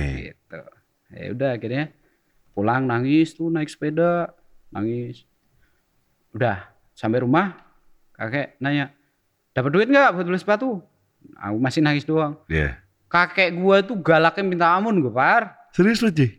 Anjir gua kelas 1 ya waktu itu cuman gara-gara minta duit jajan pulang sekolah eh, maksudnya Berapa Pulang- duit? Berapa duit? 100 rupiah pulang sekolah gue minta minta minta duit gitu karena eh duit yang uang saku kan udah habis Iya. gue tuh dijatah pagi sekolah SD Iya. kelas 1 tuh Iya. eh, kasih duit 100 rupiah nanti pulang sekolah 100 lagi waktu itu gue langsung minta duit tapi gue belum bantu ngasih minum kambing Oh, ternak. ternak Iya. ternak kampung lah bukan truk yang gede Iya, iya. tapi gue udah minta duluan karena waktu itu gue kecanduan apa tazos atau apa gue lupa Ciki-ciki. Iya. Kan gue udah nabung nih. Ciki kan mahal tuh 500 Iya, iya, waktu iya, itu. iya, gue udah iya. nabung. Ha, Hari kelima ini kurang 100 lagi nih. Iya, Gua iya. mau gitu. Iya. Gak dikasih. Gue bilang, aku ngatain apa ya? Dulu gue kasar banget. Ngatain nenek. eh, pokoknya kata kasar lah. Kakek langsung ngikat gue di pohon belimbing. Anjir, Nenek bantuin pakai stagen. Dikelilingin lagi. Hmm. Dicambukin. Dicambukin, cuy. Cambukin, cambukin waktu kecil. Ingat banget itu. Gua, gua pernah bahas di vlog dan itu ada nyokap juga, ada nenek juga dan uh, semua clarify it's true. Gua nggak bohong. Nah, Dicambukin di pohon. dicambukin di pohon belimbing agar gua nggak ngulangin kalimat yang sama Oh, ke mereka gitu. Terus pada akhirnya?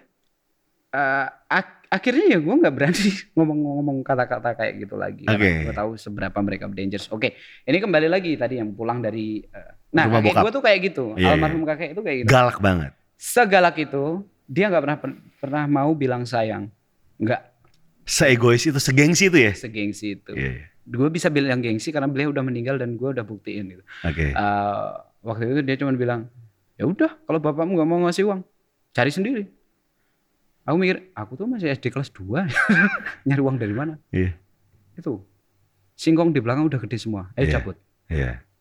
Bagusnya Eyang waktu itu adalah bukan nyuruh aku nyabut sendiri, tapi dia bantu karena tahu fisikku masih kecil. Oke. Dicabut, cabut, cabut, sampai ini lupa semua aku inget banget. Ah. Cabut, cabut, cabut, dapat sekarung. Hmm. Terus diapain ini yang besok ikut ke pasar? Hmm. sekarung bawa ke pasar dijual laku Hmm. dua puluh lima ribu waktu itu Hmm. dua puluh lima ribu kita habis kan di pasar ada semua ya ada yang beli habis itu kita ke tempat toko Ya. sepatunya Iya, iya. gue inget banget sepatu, sepatu pertama gue tuh ATT KW harganya tiga puluh ribu waktu Eh. itu nah yang enggak aku nambahin Eh, aku, aku waktu itu kan bilang dia dia sengaja nyuruh aku megang uangku sendiri gitu Hmm.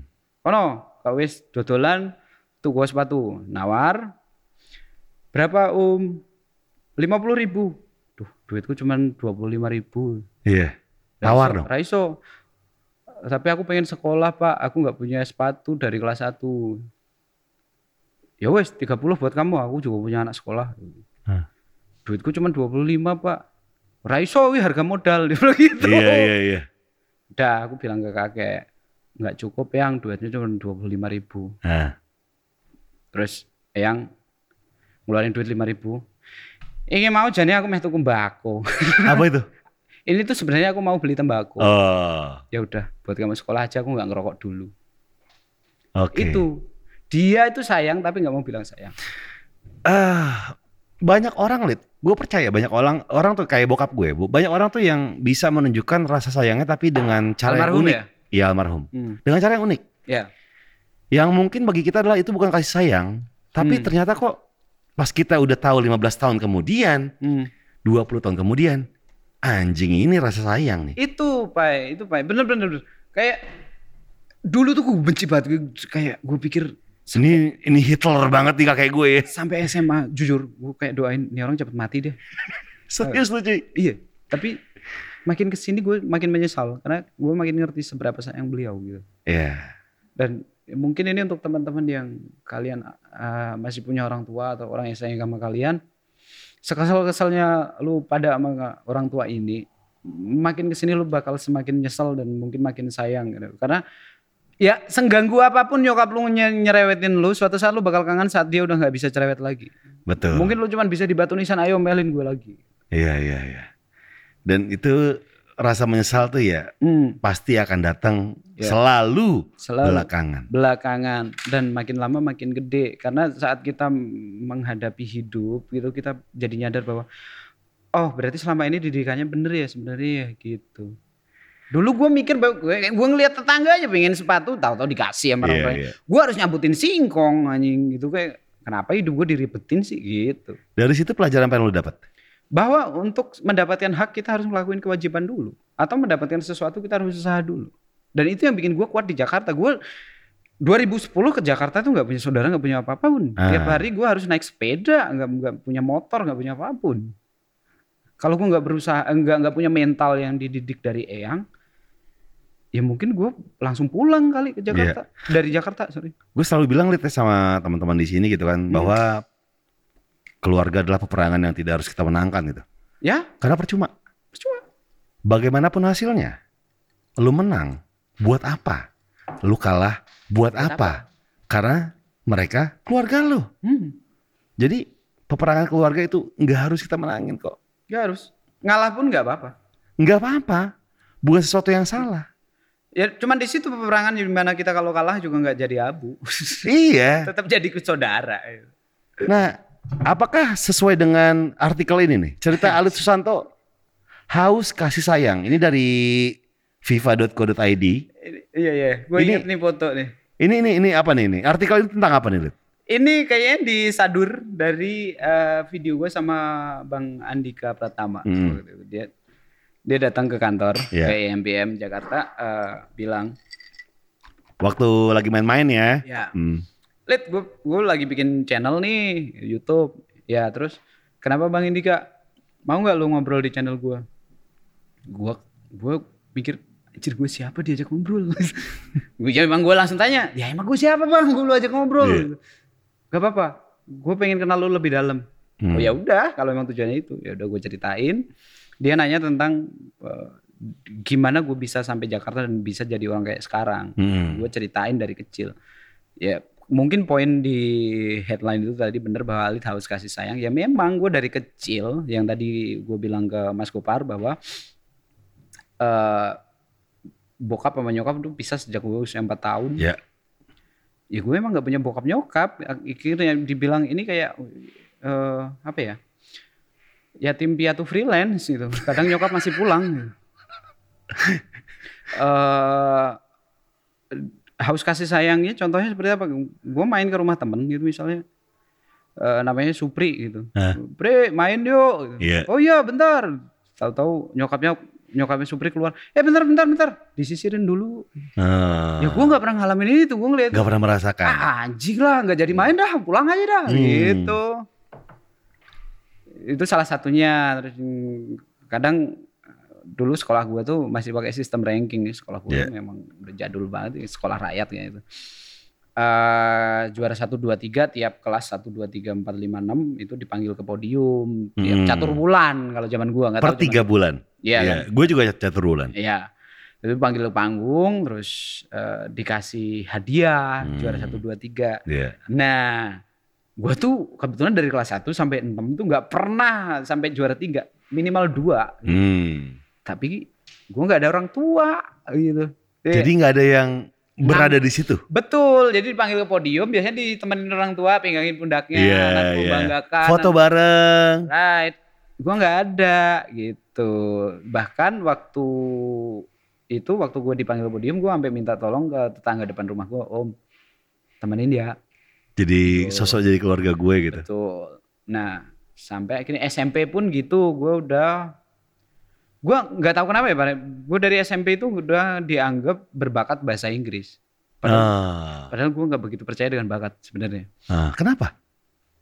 Karena eh, apa yang kita ahli itu biasanya berawal dari apa yang kita suka dan akhirnya kita kulik. Oke. Jadi nggak bisa dibilang itu bakat gitu. Ada prosesnya lah ya. Tetap ada proses. Oke, Dan oke. Kalau ada proses namanya bukan bakat. Nah, Oke. Bahasa Inggris nih, lu di- disangka jago nih. disangka jago. Padahal kenapa? Gue dari kecil tuh suka baca sebenarnya. Cuman karena gue terlalu miskin untuk beli buku, kadang kalau bahan bacaan habis yang gue baca kamus. Hmm. Jadi sebenarnya SMP gue tuh modalnya banyak eh, vocabulary yang bener, eh, yang yang gue ingat. Gitu. Oke. Akhirnya sering ikut lomba debat, debat bahasa Inggris. Padahal kalau Oh. gue inget-inget lagi anjing gue depan tuh gak pernah pakai grammar yang bener. Ini kayak bahasa Indonesia yang di Inggrisin kayak tukang becak Mario Boro gitu. Mister, mister, Ya, mister. mister, mister. For thousand. Ya. Iya. Sir, increase becak. Iya. Pak, naik becak. Eh. Increase naik. nah, eh, tapi memang waktu itu lomba debat menang.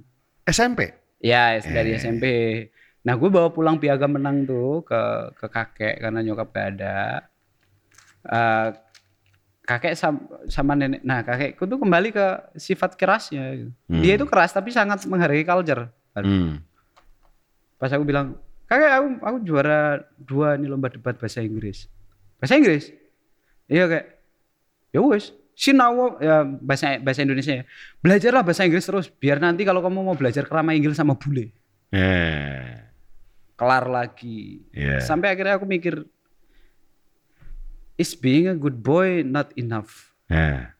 Capek aku jadi cap, Hmm. eh, jadi anak baik yang selalu berprestasi. Tailah ternyata ini bukan orang tua inginin gitu. Mungkin dengan aku bandel aku bisa jadi anak yang diperhatiin. Oke. Akhirnya masuklah STM. Nah di situ real world. Ah. Gua gua kenal sama teman-teman yang kebetulan ah, salah bisa dibilang kayak mereka mengajarkan bagaimana how to be a man. Karena gua nggak tahu rasanya jadi cowok. Iya. Gimana gue bisa tahu rasanya jadi cowok kalau gue nggak punya bokap gitu? Iya, iya.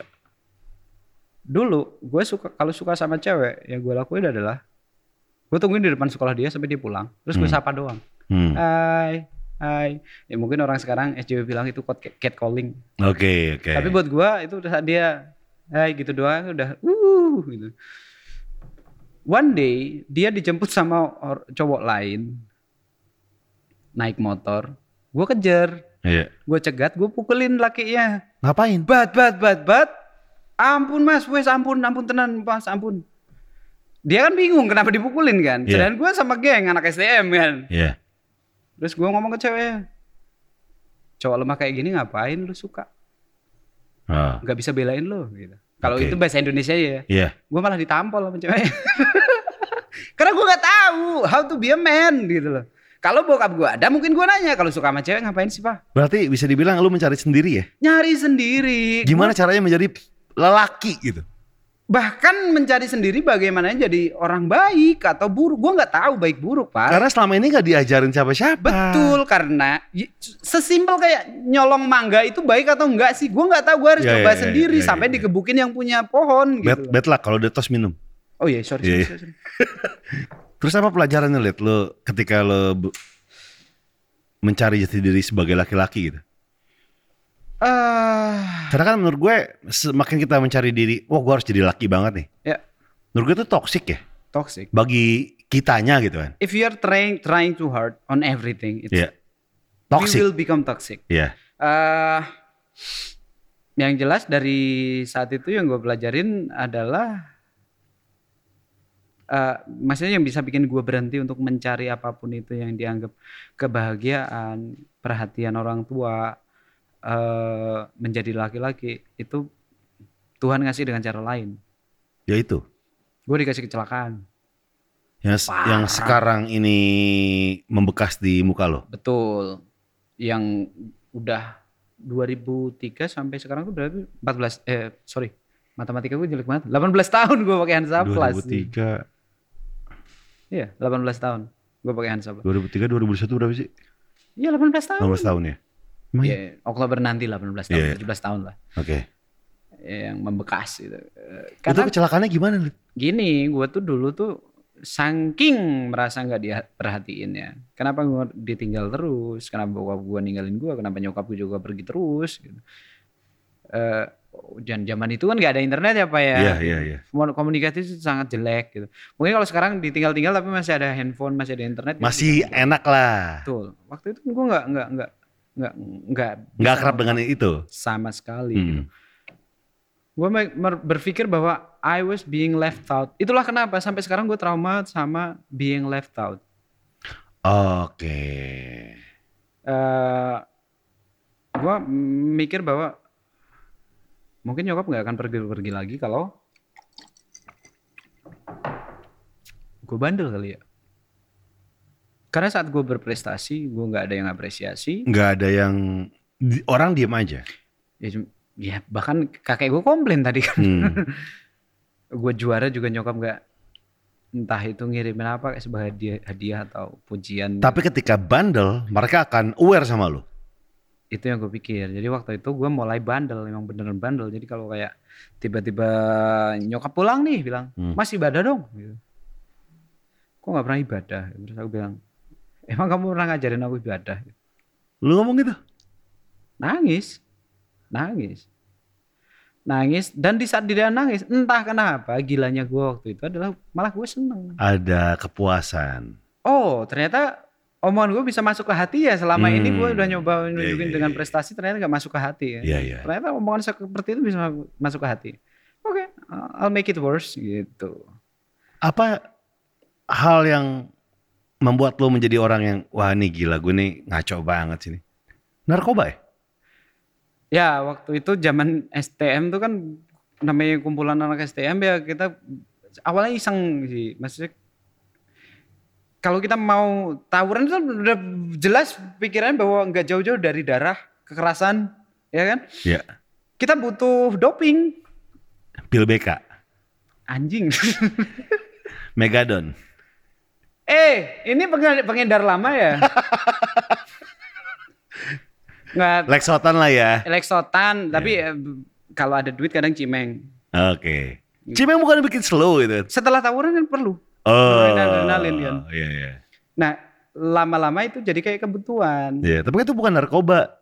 Iya, Iya. sebenarnya menurut gue juga enggak sih. Iya, herbal. Herbal. Diciptain Tuhan kok. Kalau mau nahan ya yang nyiptain kan. Oke, kita balik lagi kita gak usah mem- memperdebatkan gele ya. Oke. kita memperdebatkan Lexotan aja deh. Iya, pil koplo. Hmm.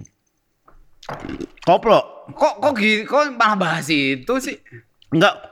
Gue tuh penasaran, Lid. Karena zaman dulu kan waktu gue SMP gitu kan. Hmm. Orang-orang minum pil BK biar berani katanya. Iya. Untuk BK. tawuran. Iya. Itu lo alami. Iya. Emang seberani itu? Nggak mikir, Nggak- bukan berani sih ya. Bukan berani jadi Nggak nggak mikir ceroboh aja. aja dah Iya, iya. ceroboh aja gitu Iya, iya. loh. Jadi ceroboh. Iya. Nggak nggak mikir belak- nggak mikir jauh. Sorry, jadi nggak mikir jauh. Oke. Oke. Apakah drugs itu solusi? Waktu itu gue pikir iya, karena begitu kelar, tone down, nyimeng, relax, gue nggak diserang sama anxiety rasa bersalah gue yang tadi gue bilang Oke. bahwa gue lahir itu salah, bahwa bokap gue ninggalin itu karena gue, ninggalin keluarga karena gue, bahwa nyokap gue cabut tuh gara-gara gue, itu semua hilang, jadi relax, gue Hmm. bisa ngobrol eh, sama teman-teman seenak jidat, gak mikir lagi urusan rumah gitu. Tapi lu rasanya itu cuma sementara. Sementara kalau kita cuma punya satu dos, Anjing. iya kan? Iya, kalau kita terusin kan nggak sementara jadi. Jeleknya karena gue kecanduan dengan ketenangan semacam itu, gue ngelakuin hal-hal yang eh risknya jadi kacau dalam artian gue berani gede, gadein BPKB, gadein sertifikat tanah. Jadi kriminal. betul. Bangsat lu gak ada sertifikat tanah. iya. Bangsat banget. Ya, ya. Nenek gue buta huruf. Masih girik dong. Girik kan sih. nah, eh, itu semua ketahuan setelah tahun 2003 subuh-subuh gue dibangunin nyokap waktu itu beliau pulang tuh kebetulan tuh Iya. Ramadan. Le bangun. Apa? Aku bilang gitu. Ayo sahur. Males. Aku bilang gitu. Aku ngambil motor F1 ZR waktu itu Ush. motorku. Uh, Yang iklannya Yo, apa Matador. yo, Yoi. orange. Yoi. Bener, motor gue yang pas orange. Iya. gue bilang males gitu. Eh. Nah karena gue kalau udah dibangunin nggak bisa tidur lagi kan. Iya. Cabut ah. Oh jam segini banyak nih anak-anak trek-trekan gitu kan. Iya, gue tertekan dulu ah. gitu. Ramadan ya Iya. trek-trekan. Nah, gue malah ngambil motor, gue keluarin dari rumah, nyokap ngasih helm. Hmm. Pakai helm. Gue tampol helmnya. Dar. Gelinding. Nyokap nangis. Hmm. gue malah happy gitu. Oke. Cabut.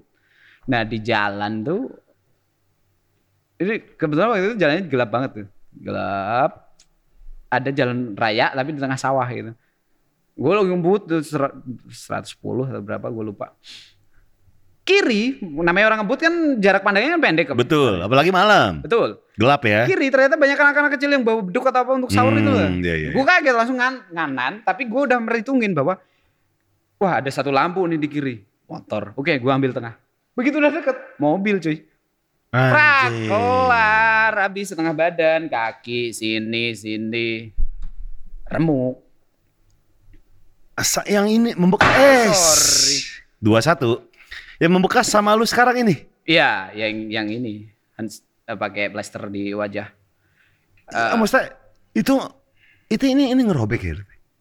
Jadi yang gue inget wak- waktu itu yang gue inget eh, hal terakhir adalah gue tidur di aspal, terus eh, suara bapak-bapak atau mas-mas dua itu kayak megang bentar, wah mati kicok, Anjing. gitu. Mereka kabur.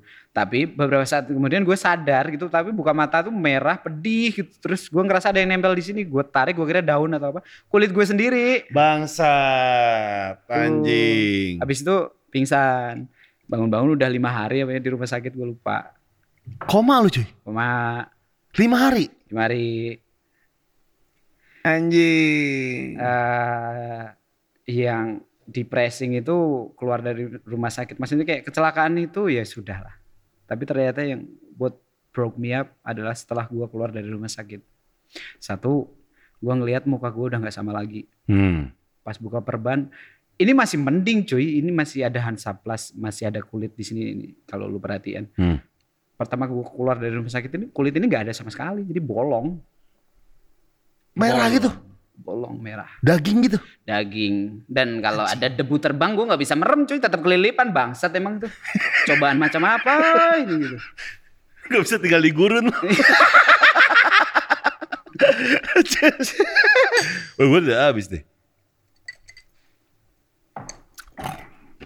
Sama habis. Wah habis sama ya udah isi lagi. Ya gimana enak. Iya dong. Enam Kita mah kalau yang anak-anak mah iya iya aja ya. Ya iya. Karena Iya. Kalau udah makin di sini minum mah nyari yang enak. Kalau dulu mah Newport aja udah seneng. Iya. Intinya adalah nyari yang enak. Hmm. Oh ya Allah, gue SMP inget gue. Minumnya apa coba? Apa? Ciu. Ciu kan bau- baunya gak enak tuh. Kayak Iya. kayak ketek tante-tante. Eh. Bekonang, bekonang. Iya, gimana caranya biar wangi ya? Gue campur sampo dulu kita minum. Pas ketawa, ngakak, eh, berbusa bareng kayak kopdar orang ayan gitu. Jadi untuk mengenang memori, kalau dulu Ciu sekarang Johnny Walker. Ya, naik kelas. Kita lebih naik kelas lah. ya naik kelas. Iya gak? Jauh. Iya gak? Wah, dilayanin mulu sama Gofar. Ya, gue jadi tuan rumah lid. Ya berarti ntar gantian gue undang lo. Iya harus dong, harus dong. Kan lu pernah ini, pernah minta gue untuk jadi tamu lu untuk apa gitu, Hmm. otomotif-otomotif. Iya. Dan gak pernah kejadian sampai sekarang, gue nunggu itu sih. Lu masih nunggu Par? Iyalah, Sorry. kapan dong? Sorry. Gua kadang gua gua tuh Jawa gue yang jelek adalah sifat Jawa gue yang jelek adalah gampang melihat orang dari kesibukannya dulu. Nah, dari dari luar maksudnya. Dalam artian waduh Lu gak enakan. jadi gak enak. Berarti setelah dari rumah sakit keluar, lu merasakan ada momen di mana gue tidak percaya diri gak? Belum, belum. Oh belum. Pas di rumah sakit tuh Iya. pembalasan yang terjadi. Nah, Jadi kan tadi gue bilang lihat teman disisirin, iya, gue bete. Lihat teman disuapin gue bete. iya. Karena gue gak pernah ngerasain itu dari kecil. Eh, pas di rumah sakit coy nyokap tuh nggak pernah ninggalin ruangan gue sekalipun sehari pun anjir. namanya orang sakit ya Iya. kan nggak pernah dimandiin ya waktu Iya, dicipingin pakai handuk air hangat dilap Hah. disisirin pas sore Hmm. eh biar ganteng nanti dokter akan ngecek gitu terus pas mau ke toilet karena kaki gue ini kan hancur kan ya kanan ya di- ditata jadi Hmm. kayak itu semua adalah hal yang gue doa, doain sejak dulu untuk didapat dari nyokap gitu jadi jalan kaki ditata gue nggak tahu rasanya sebagai anak Hmm. disisirin disuapin dibersihin nggak pernah dan itu semua dibales di rumah sakit itu Anjing. di situ gue dapet afirmasi bahwa nyokap tuh ternyata sayang. Berarti selama ini dia pergi bukan karena nggak sayang sama gue tapi emang butuh nyari duit untuk ngidupin gue gue dititipin sama yang oke beli sepatu harus usaha sendiri oke itu ternyata emang triknya Eyang biar gue ngerti. Untuk dapetin sesuatu gue harus berusaha. Oke. bukan berarti my mom doesn't provide. Iya, iya, iya. dia ngasih duit Gue pernah merasa gini, Lid. Waktu lagi ancur-ancurnya keluarga gue tuh, nyokap tuh cabut aja begitu aja gitu kan. Ya. Dan gue tahu tempatnya di mana sih. Dan kalau misalnya gue butuh dia, gue tinggal datang Hmm. ke rumahnya dan bercerita apa pun itu. Hmm. Awalnya gue berpikir bahwa ini nyokap kayak depresi atau nggak siap dengan menerima keadaan ini.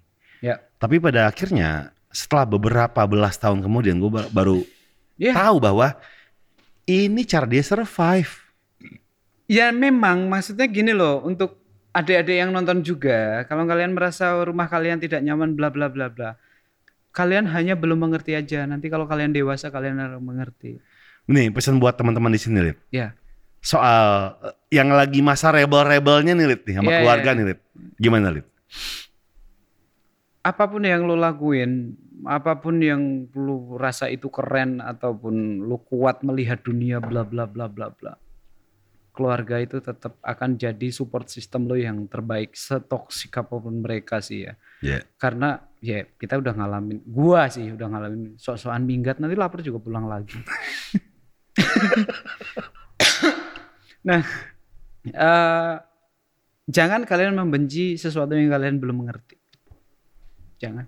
Daripada penyesalan itu datang dan terus-terusan kalian coba payback terus-terusan sampai kalian tua. Dan itu nggak akan pernah cukup. Anjing ini penting nih, jangan pernah membenci sesuatu yang belum kalian mengerti ini penting nih. Iya. Nah, Iya. itu yang gua lakuin dulu. Gue benci Iya. sesuatu yang gua- belum gua ngerti. Dan lo berasumsi aja. Berasumsi. Makanya gua lari ke sana sini, sana sini untuk nyari solusi untuk diri gue sendiri tanpa Hmm. gue coba ngerti. Hmm. Eh, makanya keluar dari rumah sakit, gue keluar dengan perasaan lega. Makanya tadi lu tanyakan, keluar dari rumah sakit gimana? Lihat lu sendiri udah nggak utuh. Ya, muka gue hancur. Ya, tapi gue happy Kenapa? karena gue punya afirmasi bahwa nyokap gue tuh sayang gue. And Pada that's more akhirnya. than enough. Pada akhirnya, Ya, baru di situ titik titiknya nih lo mengerti nih. ya. Karena gue dirawat sama beliau satu. Hmm. Yang kedua adalah gue saat ingat banget waktu itu operasi gue habis 70 juta. Anjing. Enggak enggak asuransi. Ngentot. si lu lu jadi sales asuransi di Sragen sono tuh ada yang mau beli gitu enggak? Mereka lebih Si percaya ada si ada tuh orang mau beli. harga cabe anjing dibanding harga asuransi. BPJS juga belum ada gitu kan. Belum. Iya, iya. Nah, 70 juta. Nyokap gue itu cuman penjual jamu keliling. Bayangin aja tukang jamu gendong. Harus bayar 70 juta. Betul. Akhirnya apa? Dia gadein sertifikat sawah Ah. untuk bayarin gue karena gue inget banget nggak tak bodoh amat mau lo edit atau enggak sistem med- medis di sini tuh aneh banget Kenapa? gue denger sendiri waktu itu bahwa sesekarat apa pun gue kalau belum bisa bayar DP gue nggak akan dioperasi Nggak dicariin kamar katanya ya. itu hap itu happen Dan lu lu merasakan itu. that happens Jadi kalau misalnya ada- ada orang lu tiba-tiba amit-amit ya Hmm, terjadi apa-apa atau tidak terlambat gitu kan. Ya. Itu bukan berarti salah apakah keluarga lu tanggap atau enggak ya. Mungkin terbentur sama sistem ya. betul dan gue nggak bisa nyalain tenaga medis nggak bisa Karena mereka bekerja dengan sistem yang ada. betul Oke. Tapi itu yang terjadi sama gue. Dan gue inget banget waktu itu nyokap bilang bahwa waktu gue udah mulai pemulihan ya maksudnya. Nyokap bilang bahwa ibu sekarang tiap bulan harus setor 3 juta setengah. Ke mana? Bang. Oh, dia, gade. Gade. Iya. Dan ibu udah tahu ternyata kamu itu kayak gitu. Kayak gitu tuh apa? Madat dan sebagainya. Oh, dari cek darah. Cek darah dan sertifikat tanah dan BPKB yang tergadai. Karena gue didatengin debt collector anjing. Bangor banget anjing. Semua keluarga besar gua itu udah dulu udah ngasih cap. Udah ngasih cap gopai. Udah ngasih cap bahwa Bahwa nih anak nih masalah nih gitu. cacat narkoba. Iya. Cacat narkoba. Ujung-ujungnya apa sih? Apa? Gak bisa jadi PNS. Karena PNS adalah salah satu pekerjaan yang didam-damkan di budaya timur kita yang tercinta ini ya. ya, Ya. ngomongin hari tua PNS. Nah, waktu itu nyokap cuman bilang bahwa sejelek-jeleknya kamu nak, Ya. senakal-nakalnya kamu, kamu itu anak ibu. Kata dia gitu. Nyokap kalau nonton ginian gimana, Lid? Udah sering, Udah sering? Udah sering. Dan aku pernah bikin video sama beliau juga kok ngomongin tentang kan dulu aku pernah bikin Draw My Life kan Hmm. tentang bagaimana Gue nonton. Thank Anak petani. Iya. Iya. Gue nonton. Itu sedih banget, cuy. dan itu banyak yang bilang Itu viral, cuy. ini hoax ini hoax ini hoax Iya. makanya Kar- karena banyak yang bilang lu melebih-lebihkan cerita. Betul. Makanya Iya. gue pulang kampung, gue langsung interview nyokap gue apa yang Ah. terjadi. Apa? Ya, Dan nyokap said the exact thing what she said to me after that hospital shit. Mau gimana pun kamu anakku, mau senakal apa pun, kamu itu masih anak. Nanti kalau kamu udah dewasa juga kamu akan berubah. Anjir. Seburuk apa pun kamu masih anak. Seburuk apa pun kamu masih anakku. That's my man. That's my man. Dan itu ngasih aku power untuk bangkit. dalam artian saat semua keluarga aku berpikir bahwa aku kan jadi sampah aku nggak Hmm. bisa jadi PNS fuck PNS thing Ya. I will do something better makanya lulus STM Gopai Nah. di kampungku waktu itu nggak semua anak bisa kuliah mereka waktu aku perhatiin ya maksudnya lulus SMA tuh paling sukses kalau kita ngomongin level paling sukses adalah jadi TKI Betul. aku berpikir bahwa enggak aku nggak pengen jadi TKI makanya waktu itu aku bilang ke mama mama maafkan anakmu ini mungkin lulus STM nggak bisa bantu orang tua dulu aku ingin mengejar impianku dulu dengan cara kuliah Hmm. Mama nggak harus ngorbanin apa pun untuk bayar kuliahku atau apa pun aku akan bekerja dan kuliah dengan caraku sendiri yang aku pengen mama korbanin saat ini adalah waktu dulu biarkan aku bekerja dengan caraku jalanku dan Hmm. mama waktu itu bilang bahwa mama masih pengen bantu kamu semampu mama Hmm. kalaupun Dengan- ada kurangnya Hmm, hmm. kamu usahain sendiri silakan makanya waktu itu Hmm. Gofar bisa tanya ke semua teman kuliahku waktu itu Hmm. bahwa kebetulan waktu itu aku sebenarnya pengen masuk ke kuliah psikologi apa jurusan psikologi Hmm. karena aku ngefans banget sama Sigmund Freud. Hmm. eh tapi aku break. Jadi lulus S- STM tuh 2005 sebenarnya. Hmm. Setahun aku kerja apa pun itu, kadang jadi tukang naikin pasir ke truk, Hmm. kadang jadi eh, bantuin orang yang bangun rumah, dapat duit 25.000 ribu per hari waktu itu. Aku tabung untuk bayar uang gedung. Eh, waktu itu uang gedung psikologi lebih mahal. Akhirnya gue bisa masuk ke Universitas Sanata Dharma angkatan 2006 di pendidikan bahasa Inggris jurusannya. Tapi it's not the end. Gua harus FKIP itu kebetulan memang dibentuk. Jadi kita sebagai guru ya, Iya, iya. Mulai jam 7 pagi Eh, kuliahnya, kelar jam 2 dan itu selalu pasti tuh. pasti nggak ada kuliah sore gitu. Nah, dengan itu gue lebih enak. Enak itu dalam artian Nggak nyambi. bisa nyambi. Iya. Gue jam sorry jam 3 kalau nggak salah. 3, gue kerja di Safir Square, sekarang udah jadi Lipo Mall namanya di Jogja. Sebagai line runner bowling. Anjing. Ya terus serius lu. Serius. Lu pernah kerja di situ? Yap. Dan masih ada saksi hidup kok, Par. Ngapain gue bohong soal itu?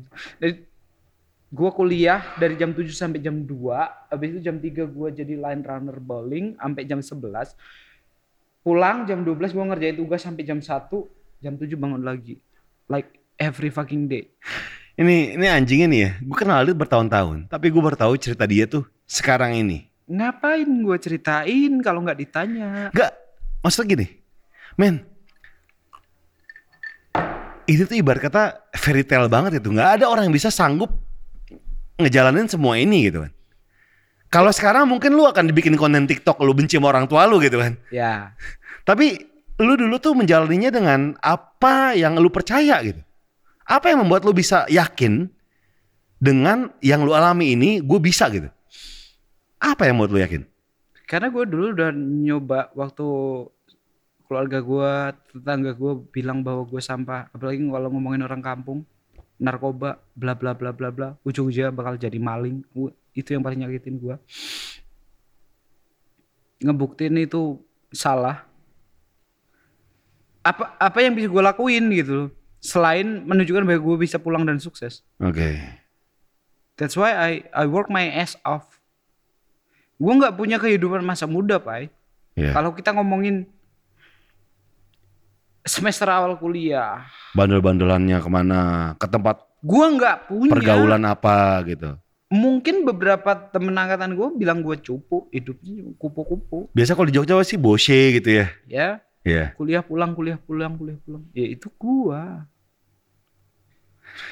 Ada gak sih Lut, yang yang sampai sekarang lu ingat ada, orang yang nggak silit? Ngapain lu nanya silit?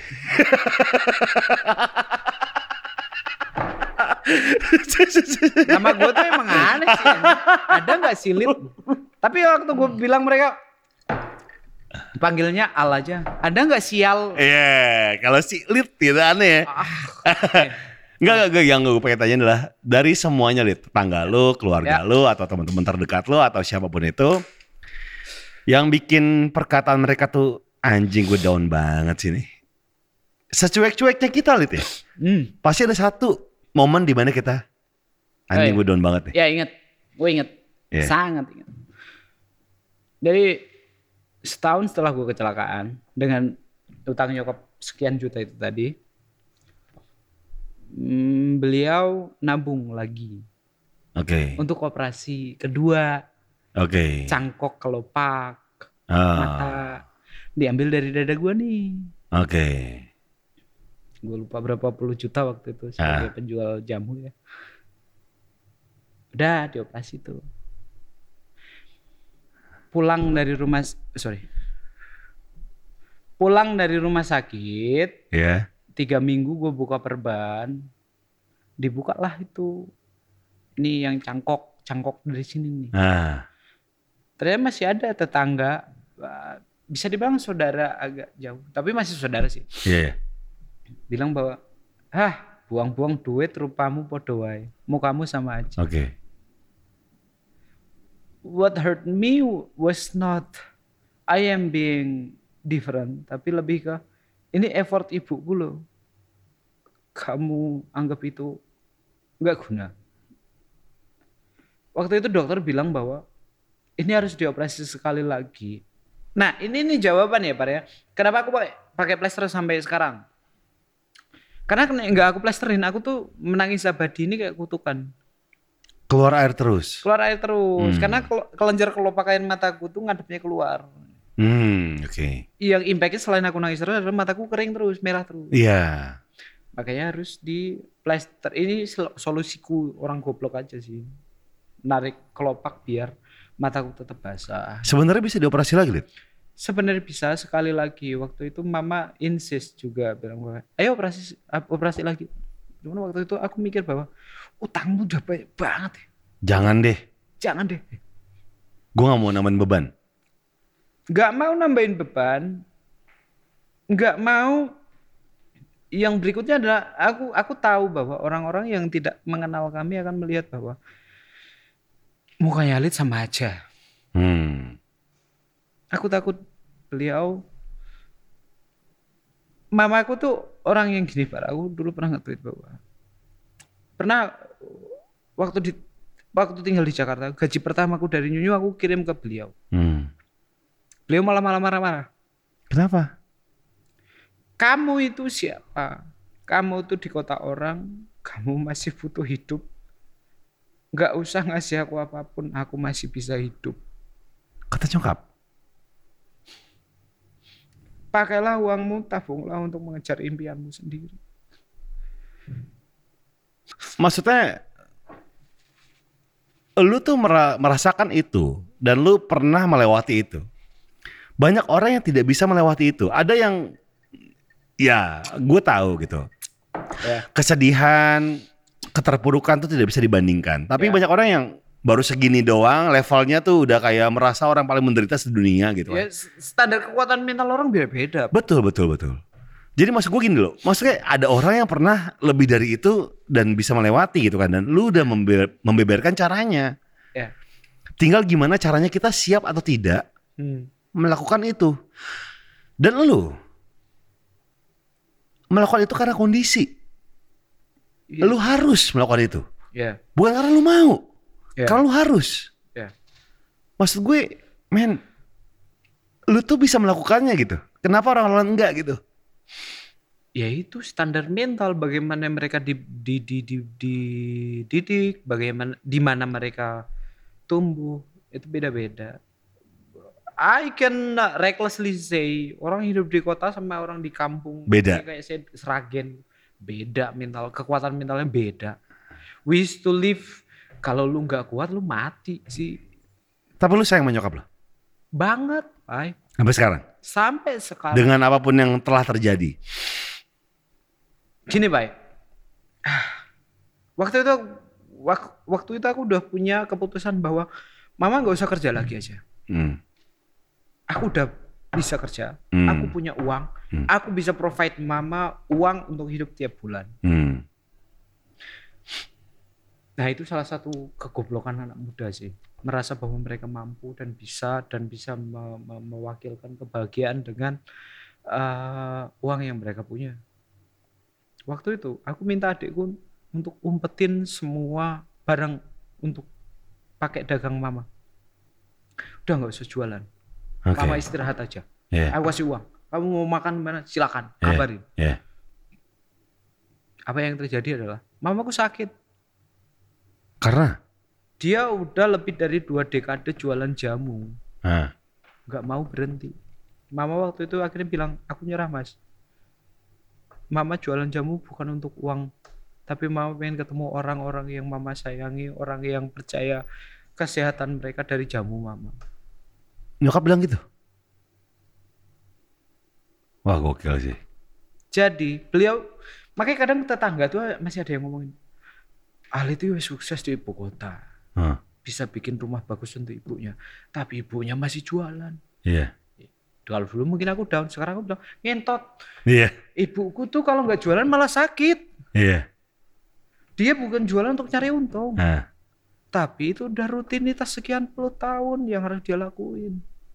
Ketemu orang-orang yang dia cintai, yang tiap hari nemenin. Karena anaknya nggak bisa nemenin. Segitunya sih. ya. Hmm? Hubungan lu sama bokap lu gimana bokap kandung?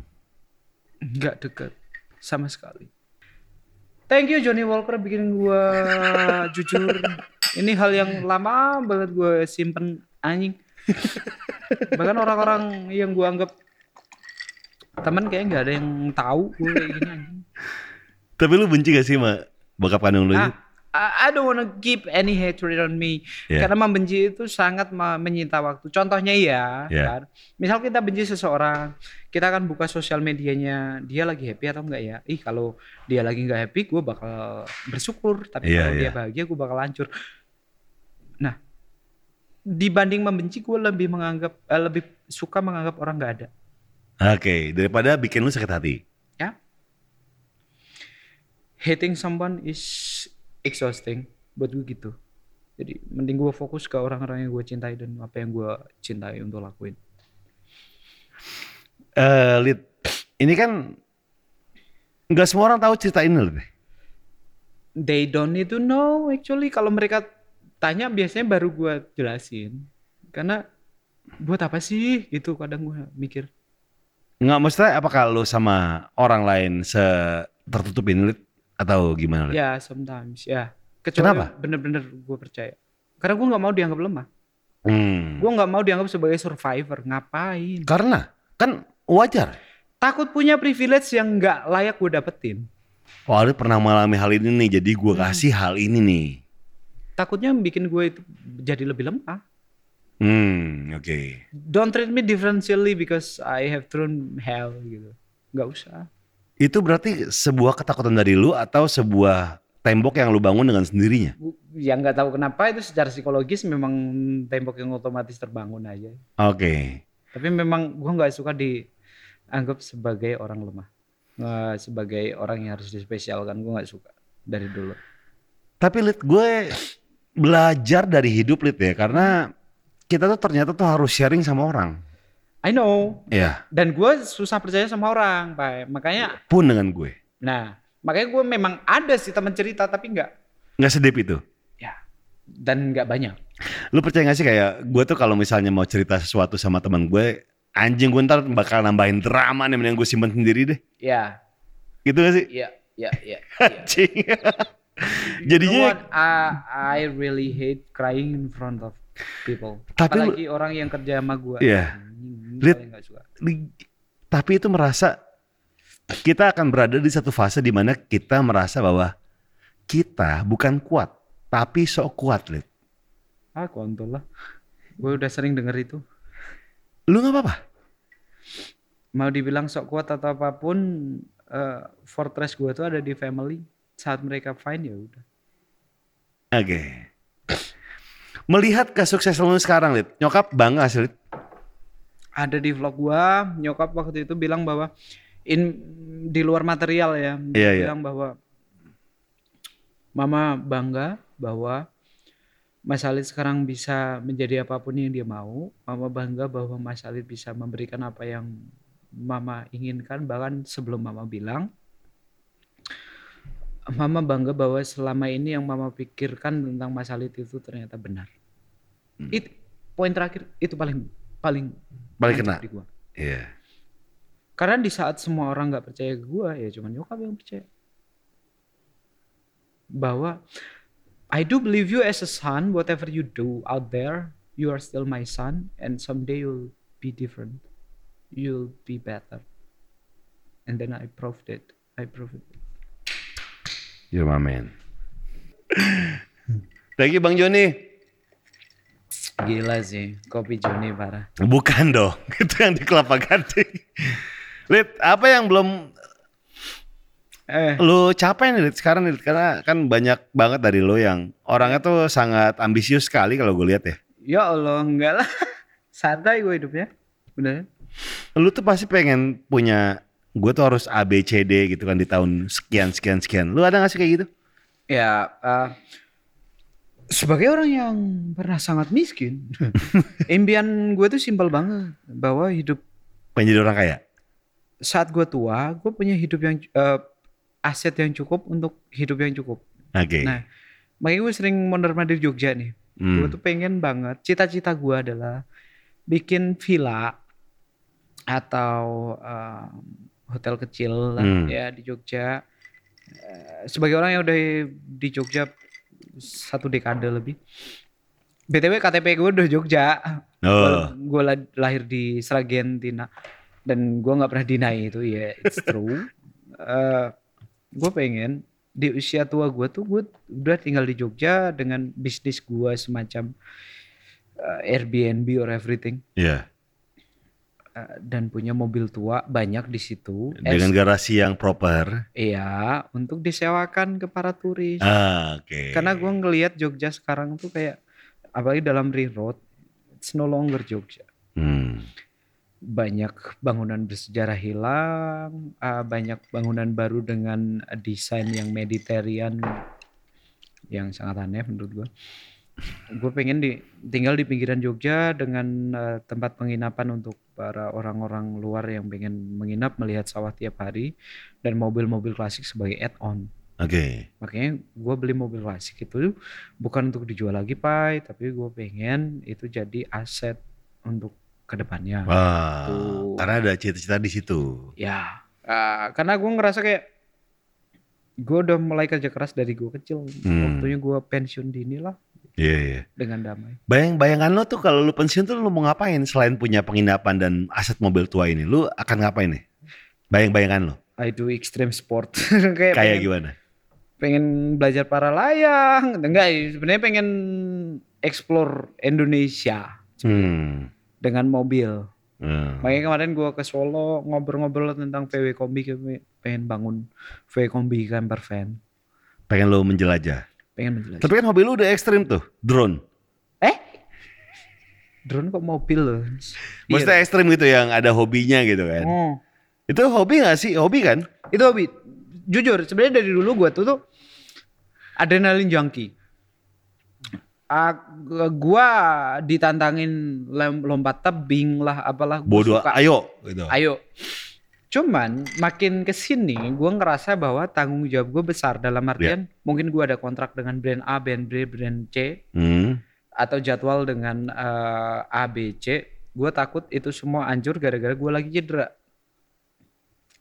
Lu- FYI, kuping kuping gue tuh udah operasi par. Anjing yang sebelah kiri. Iya. Itu di black cuy.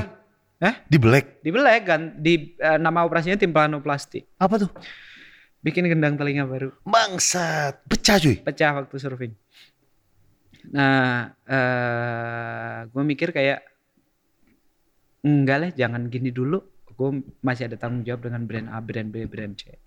Tapi gue gue masih haus adrenalin nih, Ya, makanya gue main drone freestyle. Iya, iya, iya. Karena gue masih bisa ngerasain naik gunung, eh, naik gedung terus turun. Iya, iya. Ini masih deg-degan. Tapi Iya. kalaupun kecelakaan ya udah enggak mentally broke or physically broke, tapi financially broke aja.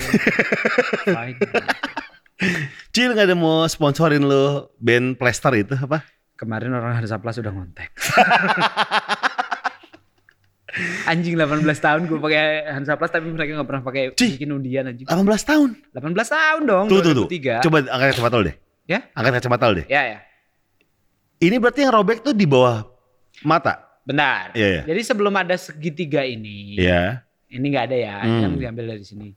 Ya bayangin aja lu, ini nggak ada, jadi bolong kan. Jadi daging aja gitu. daging merah.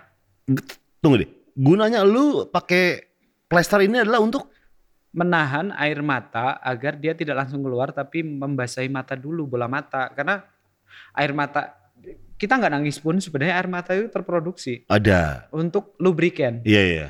Lubrikan bola mata. Nah, karena dia kan bergesekan terus dengan kelopak mata atas dan Hmm. bawah. Kalau itu nggak ada kan dia perih dan lama-lama merah dan merah itu berindikasi ke iritasi juga gitu. Berarti lu pakai plester ini Untuk menahan air mata. oke, sehari sekali ganti. Tergantung. Kalau Nah. cuaca panas gitu kadang kan ya Iya iya. Gerah gatal gitu ya.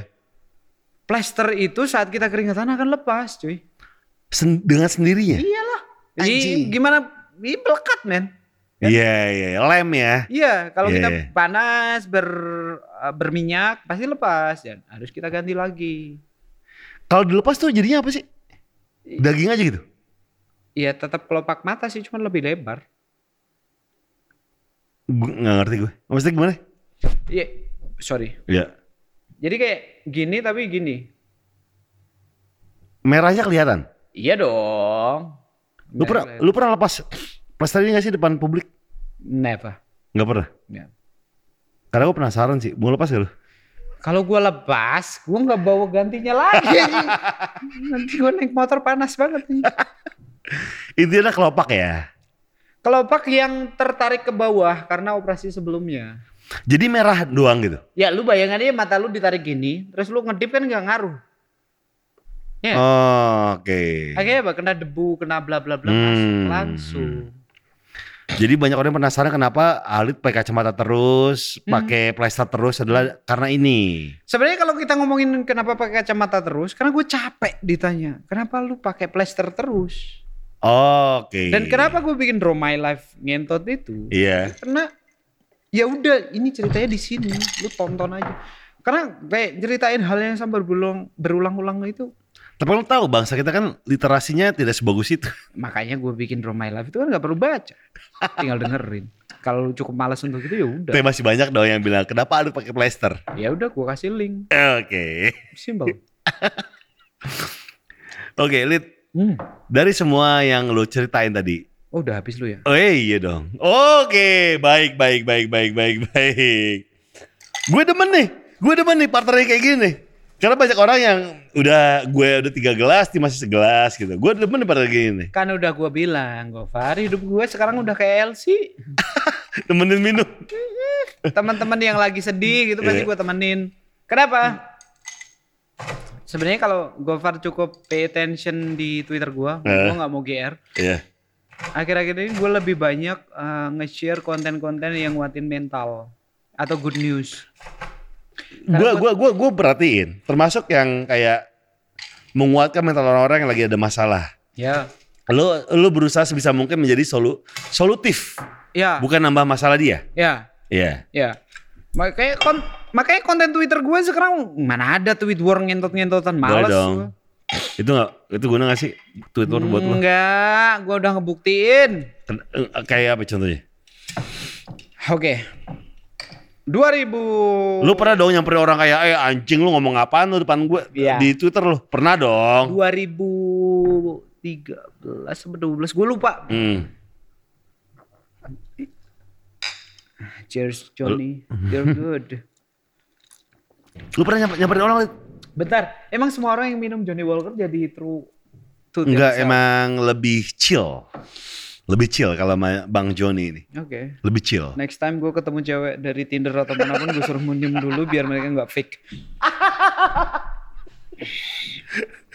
Pernah gue tahun 2000 Lu samperin cuy.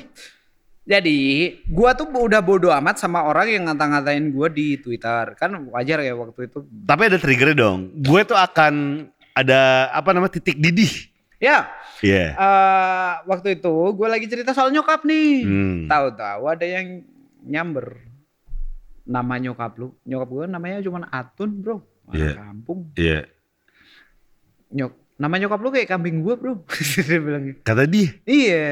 Itu udah- Mendidih dong. Mendidih. Iya. Nah, waktu itu eh lagi happeningnya Foursquare Iya. Dan itu di link sama Twitternya. Gue Kelihatan dong. kelihatan nongkrong di mana nongkrong di mana. Namanya ya gue akhirnya jadi hater. Iya, iya. Tiap hari ngeliatin nongkrong di mana nongkrong di mana. One day dia lagi nongkrong di sebuah kafe di Jakal Jalan Kaliurang Jogja. Lu kebetulan lagi di sana. Enggak. Emang gue monitor berhari-hari. Itu makanya gue belajar. Oh, jadi Iya, hater iya. tuh nggak enak aja. Iya, iya, iya, iya. Dan itu cukup dekat dengan tempat gue tinggal. Hmm. Gue samperin. Lu di Jakarta tuh? Enggak, waktu itu gue di Jogja. Jogja, oke. Eh, gue samperin, gue cocokin mukanya sama yang nongkrong. Gue oh ketemu. Gue duduk depan dia dok. Eh, namamu Andri tuh. Eh, Mas Alit gitu. Hah, Coba ulangin apa yang kamu tulis kemarin. hah. Lu dat- datang sama siapa? Sendirian. Anjing, serius lu Ci? Serius. Sumpah. Dia gimana? Coba tulis. Eh, coba kamu ngomongin apa yang kemarin tulis. Apa sih mas? Gak usah sok bego. Kata lu gitu. Iya. Eh, terus dia jawab, maaf mas, aku cuma bercanda. Anjing, standar kartu as Iya. dikeluarin bangsat. Gue buka kacamata, ulangin sekali lagi kamu bercanda. Hmm, Aku lepas plesterku di depan dia. Srek, aku udah gak peduli waktu. Hmm. Bilang sekali lagi itu alasannya cuma bercanda. Tak bikin matamu sama kayak aku. Aku bilang gitu. Anjing, serius lu Ci? Sumpah. Lu ngomong emosi itu kalau udah urusan sama nyokap mah gimana lagi? Iya, iya, iya. iya. Udah Pulang- pasti, iya, iya. Pulang dari salon pedih semua matanya ya bodo amat itu. Gue mending merem rumah. Apa yang dia omongin ketika lu ngomong kayak gitu? Maaf mas beneran. Soalnya selama ini aku mention waktu itu kan zaman Twitter ya. Iya, iya. Gak pernah dibales. Aku udah muji-muji gak dibales. Tapi saat ini aku kemarin aku ngomong kayak gitu ternyata Mas Ali nyamperin aku seneng. Terus aku bilang ke dia, ya udah, ayo pulang. Rumahmu mana? Terban mas. Ya udah, aku mau ikut kamu pulang. Aku bercandain ibumu di depanmu. Kata lu gitu? Iya. Maaf mas ampun ngapunten serius ngapunten ibuku janda gak urus ayo tak temenin. Sumpah mas aku kalau sampai kayak gini nanti ibuku sedih sakit bla bla. Heeh. Ya udah kalau udah bawa alasan itu aku mau gimana lagi? Ya udah. Enggak. Waktu itu dia ngopi. Aku ambil bubuk kopi Hmm. dari kopi dia waktu Hmm. kebetulan lagi habis. Aku coretin di pipi dia. Terus dia gini. Contrengin nih di pipi. Ya, contohnya sama dia dihapus kan aku bilang. Kamu hapus lagi, matamu tak bikin kayak aku. Aku beneran udah emosi, udah meledak iya, banget, iya. Par. Iya. Akhirnya dia diem, aku oles lagi set, set, set, set. Hmm. Dia diem, terus aku panggil waiter. Aku pesan makan. Aku makan di Hmm. depan dia. Sore itu aku makan. Aku bilang nggak boleh dihapus sampai aku pulang. Aku makan, makan. hmm. Mukanya dia cemong. Kadang orang lihat iya, iya. tunjuk saya ngomong ngomongin gitu loh. Aku makan. Terus aku pulang. Oke. Waktu itu aku berpikir bahwa ini a good revenge. Hmm. Ini balas dendam yang tepat untuk orang brengsek gitu. Oke. Ternyata Iya. besoknya aku cek di Twitter Ah, akun dia. Dia nge-tweet apa? apa? Penyesalan atau apa pun gitu aku pikir. Ternyata dia nge-tweet apa? Alhamdulillah kemarin aku disamperin idolaku. Sejak saat itu par aku udah ah ngentot tugel. Jadi jadi itu adalah cara tepat untuk ngambil atensi lu. Ya, makanya sejak saat itu aku bersumpah bahwa aku bodoh amat sama orang caper di sosmed. Karena menurut menurut gini gini, gue setuju sih Lid. Karena ada beberapa orang ya, nggak beberapa sih banyak ya orang yang head speech atau mencoba untuk apa karena ketika disamperin kayak ya karena gue ngefans sama lu, gue Ya. pengen mendapatkan atensi lu gitu. Ya. Dari dari situ lu belajar apa? Bahwa nggak semua orang yang ngomong jelek soal lo di sosial media itu perlu diklarify. Oke. Kadang keinginan kita untuk clarify itu adalah bait atau umpan untuk kita yang akhirnya Kulo nuwun, saya ingin ketemu sama Anda. Hmm, Padahal dia ya. ngefan. Iya anjing. We put too much effort on ourselves untuk ke- keinginan dia yang ngapain. Makanya sekarang kalau gue ketemu komen sampah, blok. Bodoh. Udah sesimpel itu ya? Udah simpel. Bahkan di Instagram makanya dibilang Mas Halil pergerakan followernya nggak banyak-banyak. Bodoh amat dong gue pengen bahagia. Iya iya. Lu rese dikit gue blok. Bodoh. Bodoh. Mau dibilang, ih Mas Halil kan hidup dari netizen. Ya bodoh, gue masih bisa nulis. Iya iya iya. Gue masih bisa kerja. Sama kayak Gofar Iya. masih bisa siaran. Iya, Semiskin-miskinnya masih bisa siaran radio. Gue Betul. masih bisa nulis. betul. Yang sekarang langka adalah kenyamanan dan uh, keamanan di sosial media. Jadi ketika lo berkarya apa sekarang fondasinya Lid? Fondasi gua tuh simple, Pai. Gua pengen bikin banyak konten yang nggak norak walaupun gua tonton 20-30 tahun lagi. Oke. Karena gua sangat ingat eyang gua waktu itu. Eyang dulu waktu muda gimana sih? Dia dia cerita dengan bangganya. Tapi karena nggak ada bukti faktual tetap ada keraguan di hati gua. Iya, iya. Emang eyang gue sekeren itu. gitu. Tapi ketika ada YouTube itu memvalidasi. Yap. Makanya gue bikin walaupun everything I uploaded on YouTube, Iya. gue masih punya masternya. Oke. Gue taruh di banyak hard disk gitu gue simpan. Ah. Karena gue sangat yakin Pak dari dulu bahkan waktu gue nulis buku itu semakin kita tua kita semakin malas ngomong sebenarnya. Semakin kita memfilter apa yang kita pengen keluar dari mulut kita. Ya, Itu lebih tepatnya sih. padahal padahal anak muda itu kadang juga nggak butuh filter itu. Betul. Makanya gue tulis. Hmm. Makanya gue upload YouTube. Hmm. biar nanti kalau mereka udah gede mereka bisa baca mereka bisa nonton Karena gini, ini fase sebenarnya, adalah, adalah proses ya. lah gue tuh nggak pernah percaya sifat orang gue pai Iya. gue gue gue gue nggak pernah percaya bahwa Gopar itu nakal. Gue nggak pernah percaya bahwa Gofar tuh PK gitu. ya Nggak pernah percaya. semua itu fase. Iya. gue nggak pernah percaya si A itu sombong. Nggak pernah percaya. Itu cuma fase. Suatu saat dia akan berubah dengan apa pun yang dialami dalam hidup. Iya, betul. makanya gue nggak mau judgmental dan membenci satu karakter A gitu misalnya. Gara-gara dia punya blunder A. Bodoh amat. Jadi nggak make sense ketika ada ada netizen ya yang nge-quote tweetnya tahun 2010. lah kontol kemarin gue juga ada sih di Twitter bilang bahwa wow sebuah kalimat bijak yang pernah eh, dari orang yang pernah membercandakan tsunami Jepang tahun 2011 terus dia bilang waktu lu banyak banget bro untuk mengkulik itu. kalau kita udah move on, kita udah nyoba aja lebih baik, kita udah 9 tahun hidup melewati itu dan lu masih balik sana sih yang sedih bukan gua, lu. Iya. Karena menurut gue, Lip, manusia adalah makhluk yang paling absurd di dunia. It is. Beberapa hari kita me- menelaah proses itu, kita akan berubah dari eh, opini kita di awal. Ya, Dan menurut gue, itu sering kali itu lumrah. Karena kita belajar. ya. Dan ketika ada orang mengquote tweet kita tahun 2009, 2010, 2012, itu gak relate. Udah nggak relate lagi. Makanya gua mah gua mah nggak udah nggak peduli dengan apa pun statement orang di tahun 2 tahun, tiga tahun yang lalu. Sudah. Kalau lu harus kerja keras untuk nyari statement dia yang kontra dengan statement dia sekarang, ya artinya yang salah bukan orang itu tapi, Tapi lu. iya, karena lu terlalu sibuk, eh terlalu lang- senggang. Terlalu senggang untuk mencari-cari itu. Ya. Lebih baik lu konsentrasi kepada konten lu biro jomblo. eh anjing, gue pernah lihat beberapa tweet lu. Ya. Ada orang yang berhasil kawin lu gara-gara lu. Anjing lu emang lu. Banyak gopar, banyak yang ngirim undangan. Cis, cis, cis, cis. Ngirim undangan sampai ke kantor untuk gue datang di Banyuwangi lah di mana. Buat teman-teman di sini yang merit karena Alit, lo harus berterima kasih sama Alit nih. Ya Allah. Men, enggak cerita dong, gimana sih seberhasilnya lu mendirikan biro jomblo ini? Jadi tahun 2017 apa 18? 17 ya, gue lupa. Waktu Pilgub. Hmm. Wah, itu Alasannya apa sih lu bikin hashtag biro jomblo? nah itu 2017 apa 18 gue lupa. Waktu itu Pilgub Jakarta. Lagi panas-panas itu. Oh gila apa pun debat ah, Ahok Anies Eh, terus gue pikir anjing tiap orang eh, mungkin gue ya, gue doang kali ya. Buka sosmed itu untuk res- refreshment makanya dibukanya waktu lagi break. Iya. Pengen lihat kabar baik atau Iya. joke bagus Iya. yang bikin gue happy lagi.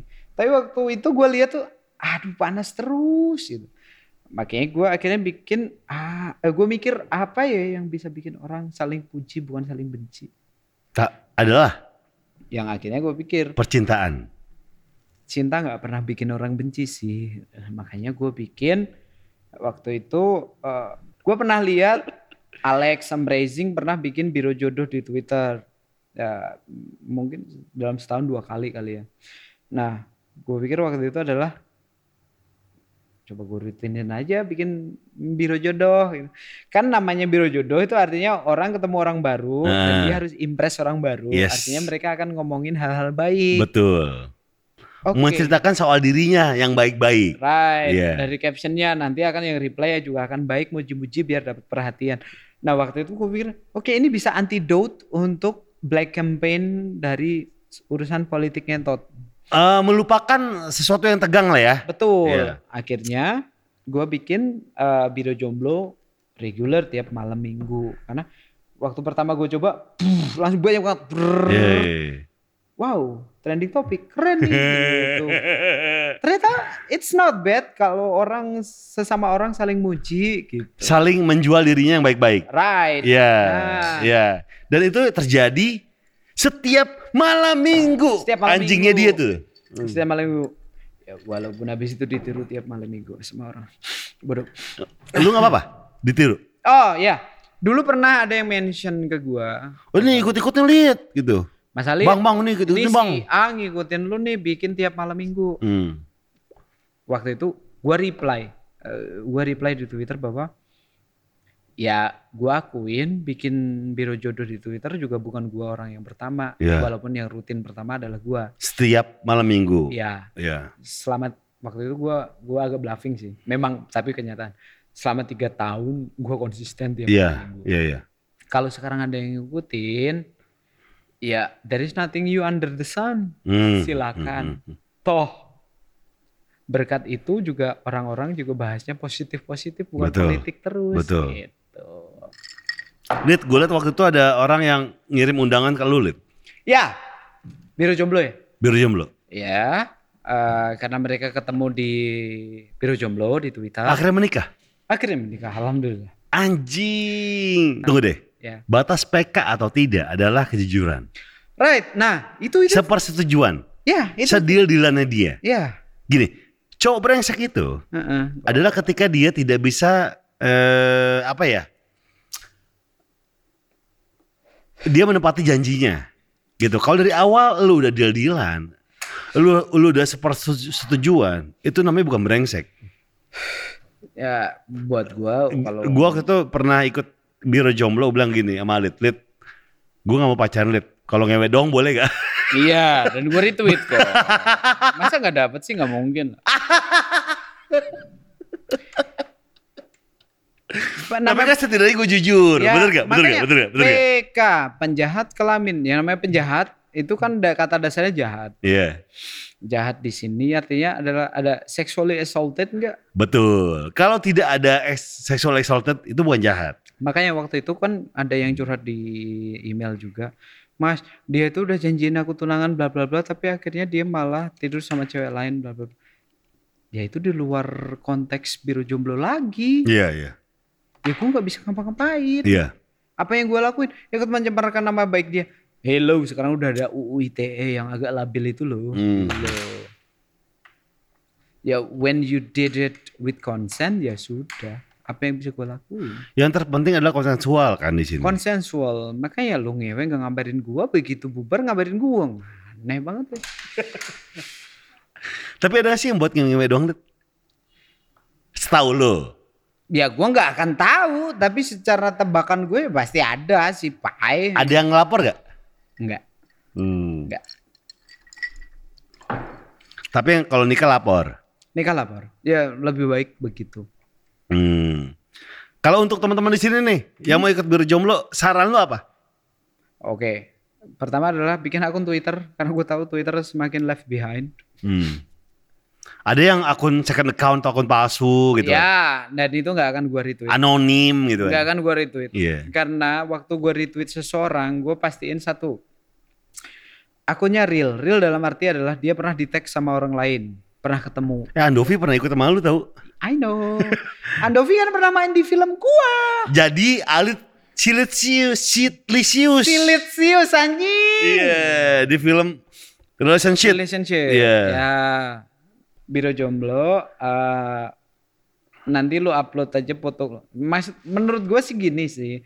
Dalam biro jomblo itu banyak yang salah paham bahwa untuk dapat pasangan di situ bukan berarti lu harus upload foto lu. Iya. Tapi lu nyamber aja Iya. orang yang menurut lu menarik Iya. obrolannya. Makanya gue kadang agak kesel sama beberapa orang yang upload foto, upload foto tapi berharap bahwa dia akan ada yang respon Hmm. Kalau lu ngerasa udah udah nyoba dua tiga kali nggak ada yang respon ya berarti mungkin ini sorry SJW eh, mungkin memang secara entah itu fisik ataupun eh, Tidak caption, masuk kriteria. lu tidak masuk kriteria Iya. Eh, kalau udah terjadi seperti itu ya berarti mungkin lu yang harus adapt Oke. gitu jadi Apa saran lu untuk orang-orang yang pengen ikut biro jomblo nih? Foto Ah. asli pasti. pasti foto asli Hmm. pakai akun asli bukan alter karena yang memang yang gue itu itu biasanya gue cek dulu nih akun asli nggak sih Iya, iya. gitu karena kadang beberapa kali sih gue kerjain orang-orang dengan cewek yang upload akun palsu gue gue retweet dulu mereka begitu mereka respon gue bilang itu akun alter gue Eh. gitu. Menurut menurut lo Alit, Ya. akun alter atau second account atau tidak menampilkan uh, foto sesungguhnya di Twitter itu gimana? itu hak hak azazi masing-masing Iya, betul. bahwa kadang memang kita butuh sebuah wadah untuk menyalurkan apa yang unek-unek Ya. yang ada di hati Betul. kita gitu. Hmm. Cuman eh, yang merugikan adalah di saat mereka get too involved with people yang udah mempertaruhkan kehidupan real mereka untuk eh, getting eh, a relationship with the fake account. Oke. Beberapa kali, btw beberapa kali gue udah bantu beberapa teman gue yang kejebak fake account. Hmm. Contohnya Bayu Skak. Hmm. Dia pernah pacaran LDR sama orang dia ngentot. Terus Dia bilang, "Ini cewek perfect banget tiap kita ngobrol tuh nyambung banget bla bla." tapi Coba gue lihat fotonya, oke, gue reverse image, pleng. Ini orang Thailand. Haji. Aslinya orang Indonesia. Itu masih banyak orang polos di Indonesia bahkan Enggak, menurut lu kenapa sih orang-orang tuh perlu bikin bikin akun anonimus atau akun alter? karena mereka tidak belum percaya diri dengan apa yang mereka punya saat ini. Padahal menurut gua ngomongin tentang percaya diri, memang kadang kita punya kekurangan, kita akan merasa bahwa kita mungkin tidak diterima orang. Hmm. Tapi men, ini hidup, ini Hmm. hidup gua Far. Hmm. Saat kita tidak percaya dengan diri kita sendiri, gimana kita bisa bikin orang lain percaya sama kita? Betul, betul. Sesimpel itu dulu Betul. aja deh gitu.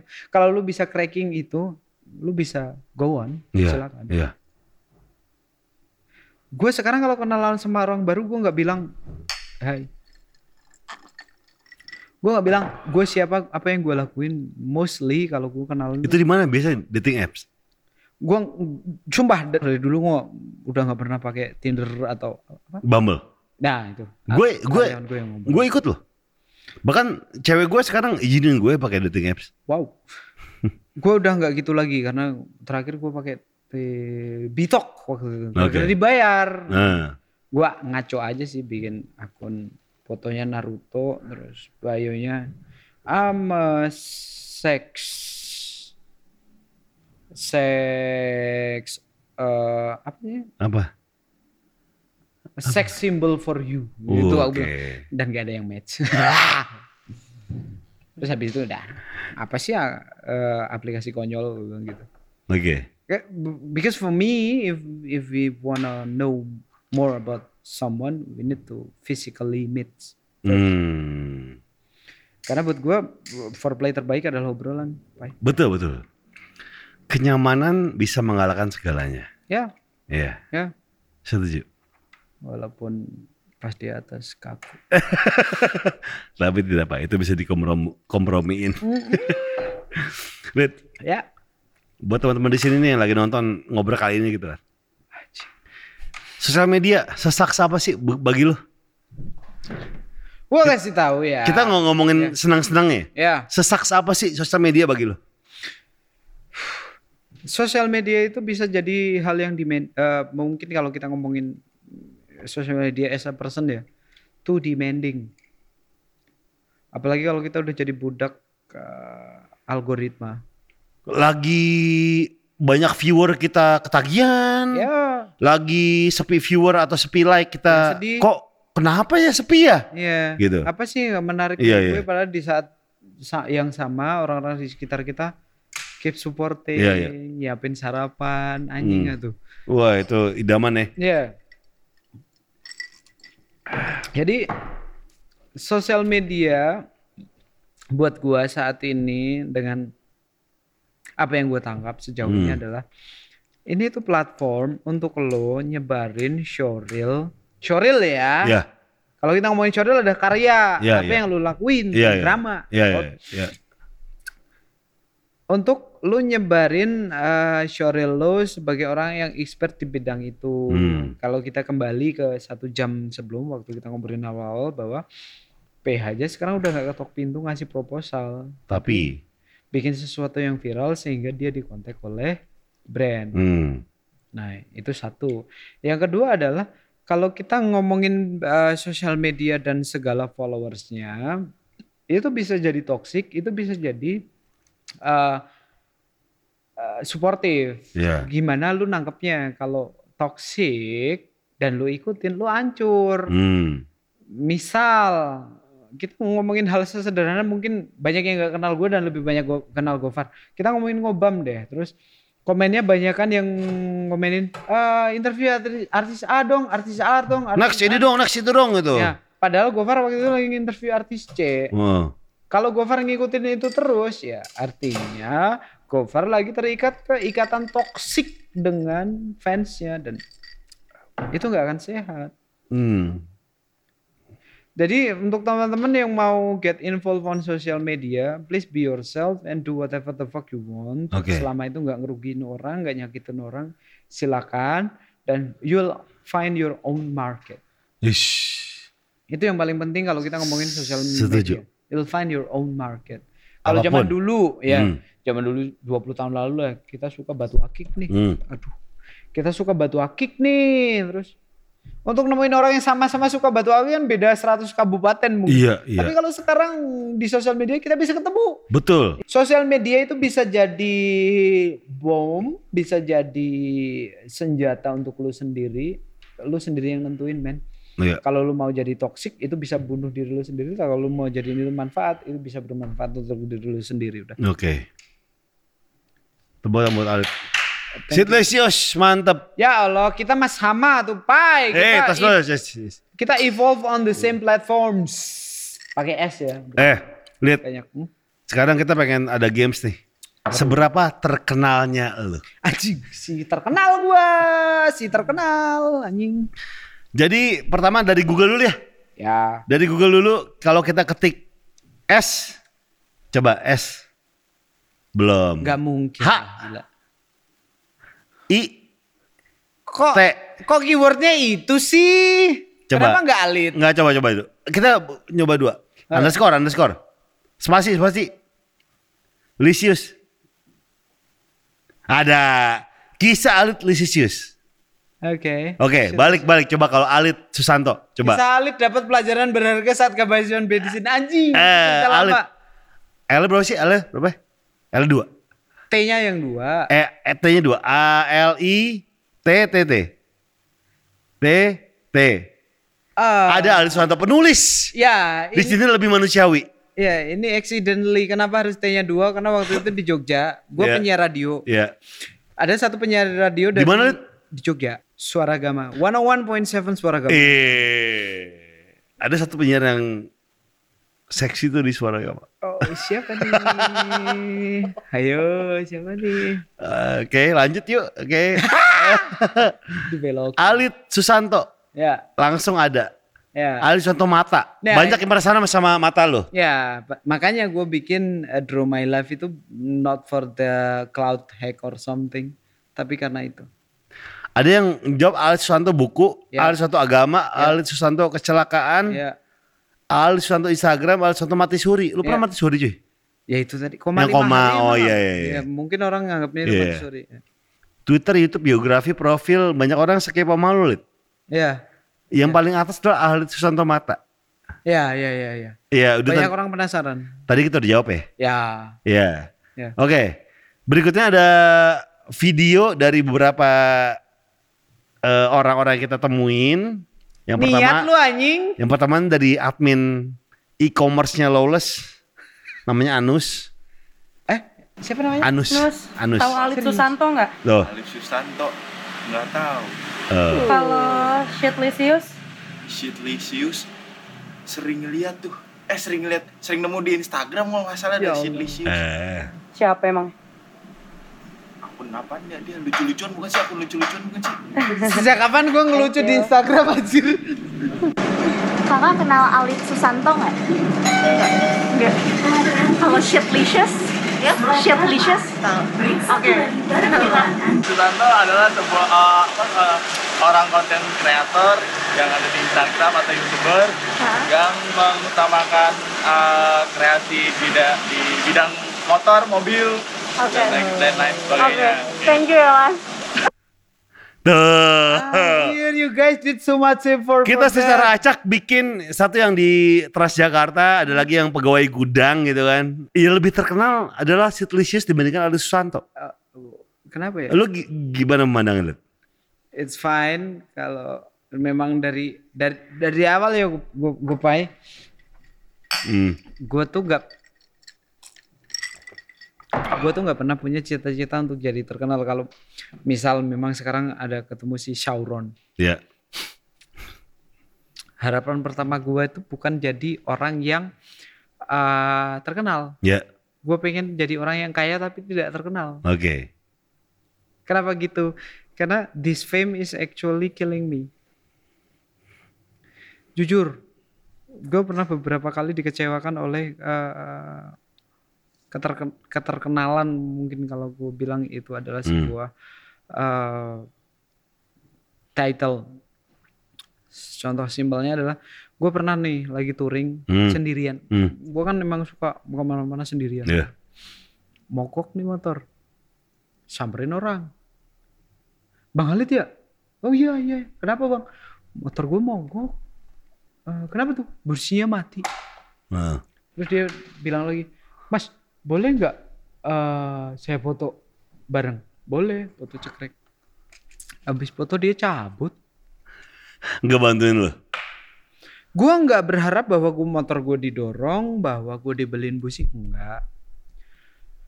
Sesimpel gue pengen, gue berharap gue di, dijadiin manusia aja. Hmm. When when you find someone who is uh, needy or need something, please temenin aja dulu. Hmm. Karena itu di tengah sawah gitu, gue sendirian.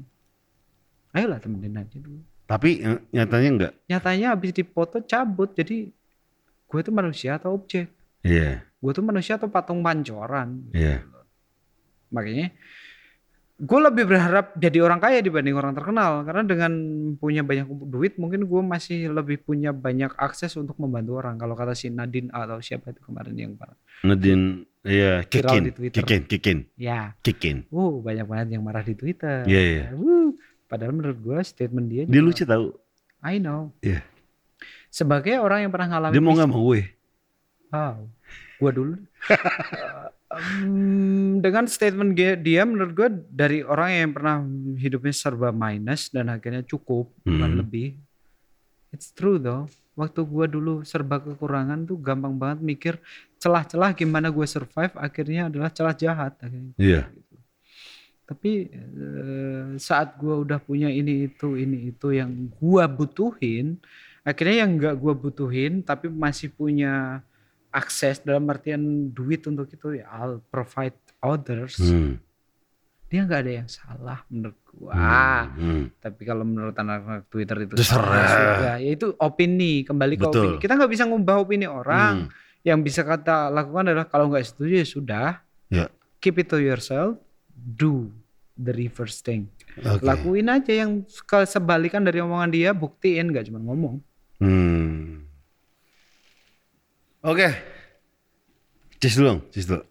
Cis lah, baru kali ini gue bisa akrab sama Gopar anjing 10 tahun gue tahu dia anjing.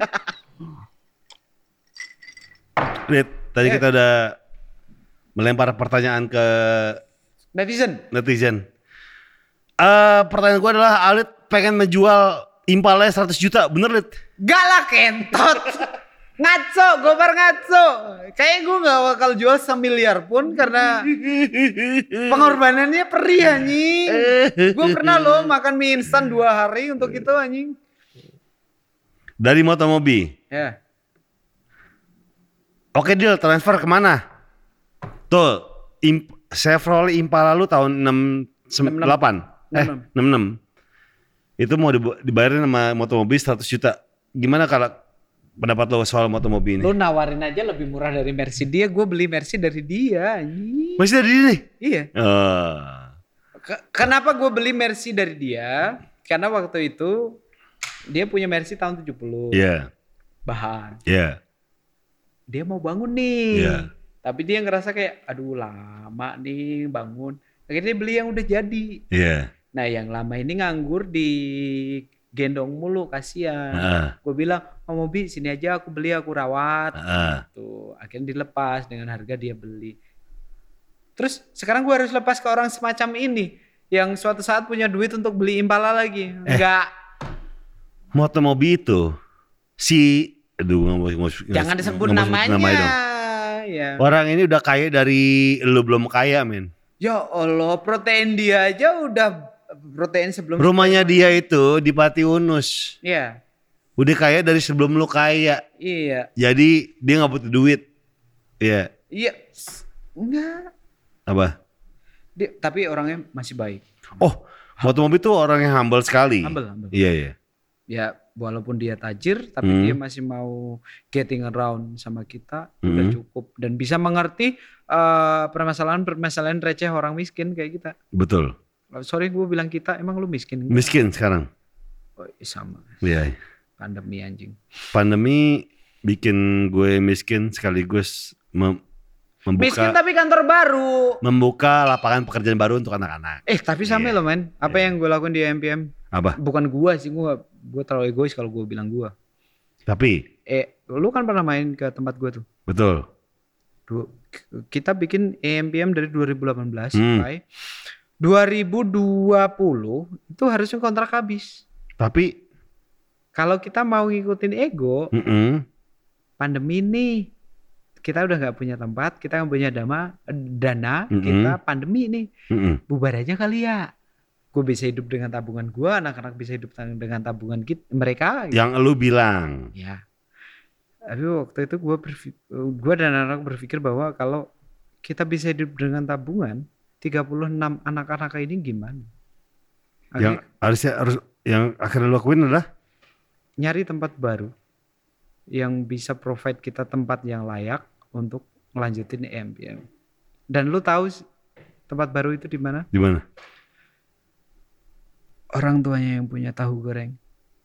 Serius sih? Anjing. Orang yang gua nggak sengaja. Yang tadi awalnya Wah gokil. Serius cuy? Sumpah demi Allah. Lu Wah, gokil. tahu. Bahwa kita nggak akan tahu siapa yang kita provide kebaikan, Nah. suatu saat dia akan balas dengan cara yang kita tidak duga-duga. Itu udah ada di surat At-Talaq ayat 3. Anjing. Dan rezeki akan datang Boleh, kepadamu boleh, dengan boleh, cara yang tidak kamu sangka-sangka. Makanya dari situ gue belajar bahwa ya udahlah tanam terus kebaikan karena kita tidak tahu. Yang paling penting adalah keberuntungan tidak akan datang kepada orang-orang yang jahat. Iya. Keberuntungan akan datang kepada orang-orang yang baik. Itulah kenapa gua dan teman-teman gua selalu mengusahakan untuk melakukan yang baik agar keberuntungan datang. Is. Itu penting. Itu mind blowing, Gopai. Mind blowing. Saat kami sedang putus asa, kita dapat tempat baru, which is itu adalah orang yang pernah gue bantu. Bangsa. Enggak nyangka cuy. Gak nyangka. Gue sendiri juga gak nyangka. Lu. Cheers. Bang Joni, thank you. Bang Joni kalau mau bikin kopi di tempat gua. Boleh, hajar. Ya. Pertanyaan Instagram. Oi, Mas Alit, sing Alit kue apa nih Mas? Apa sih? Mas Alit, Alit itu kalau dalam bahasa Jawa atau Bali atau Bandung itu artinya kecil. Hmm. Mas Alit yang kecil tuh apanya? Oh. Ya kesombongannya. Kalau Oh. bisa. Kalau- bisa aku tekan seminimal mungkin. Bang, stasiun balapan siapa yang menang? Ah, udah basi loh. Mas Alit kenapa lebih suka mobil klasik dibandingkan mobil kekinian? Wow. Ya, karena gue udah buktiin hmm, mobil kekinian itu sebagus apa pun tahun demi tahun itu eh, devaluasinya tinggi. Rugi, rugi, rugi, rugi, rugi, rugi. Eh, sedangkan mobil jadul Heeh. eh, itu harganya nggak pernah turun sih, Pai. Kalau kita ngomongin mobil di atas 40 tahun ya Betul. itu nggak pernah rugi. Jadi kapan lagi kita bisa pakai sebuah aset Mm-mm. bermanfaat secara penggunaan, tapi habis itu juga bermanfaat secara after sale dan penjualan. Gitu. Mm-mm. Ya udah mobil tua.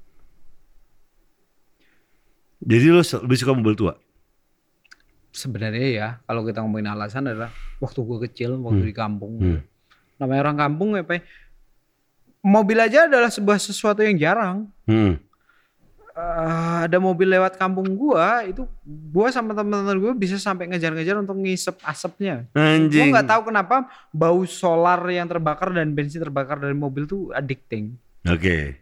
Nah, gue gue gue suka banget lihat mobil-mobil yang bisa ngas- ngasilin aroma seperti itu. Makanya gue tadi bilang kalau ditanya hal itu tuh ngerti banget otomotif gak sih?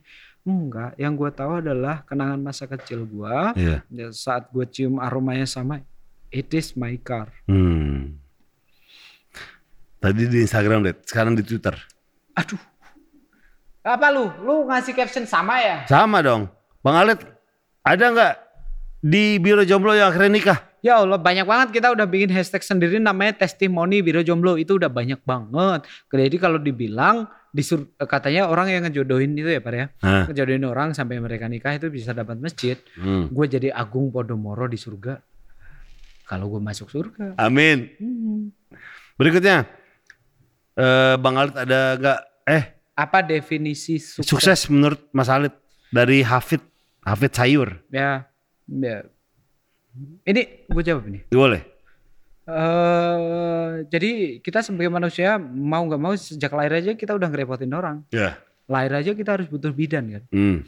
Yang artinya saat lu lain ngerepotin orang sebelum la- sebelum lu mati lu harus man- eh, bermanfaat untuk orang. Hmm. Jadi definisi sukses menurut gua adalah gue bisa jadi orang yang bisa bermanfaat untuk orang sebelum mati. Hmm. Simple, Sesimpel itu. simple. Tapi Berikutnya. semua orang bisa ngelakuin. Iya. Gue sendiri juga belum nyadar gue udah atau belum. Ah, Dan lu gak peduli? Gak peduli yang at least I try karena gue gue sangat paham bahwa Tuhan gak buta. Oke.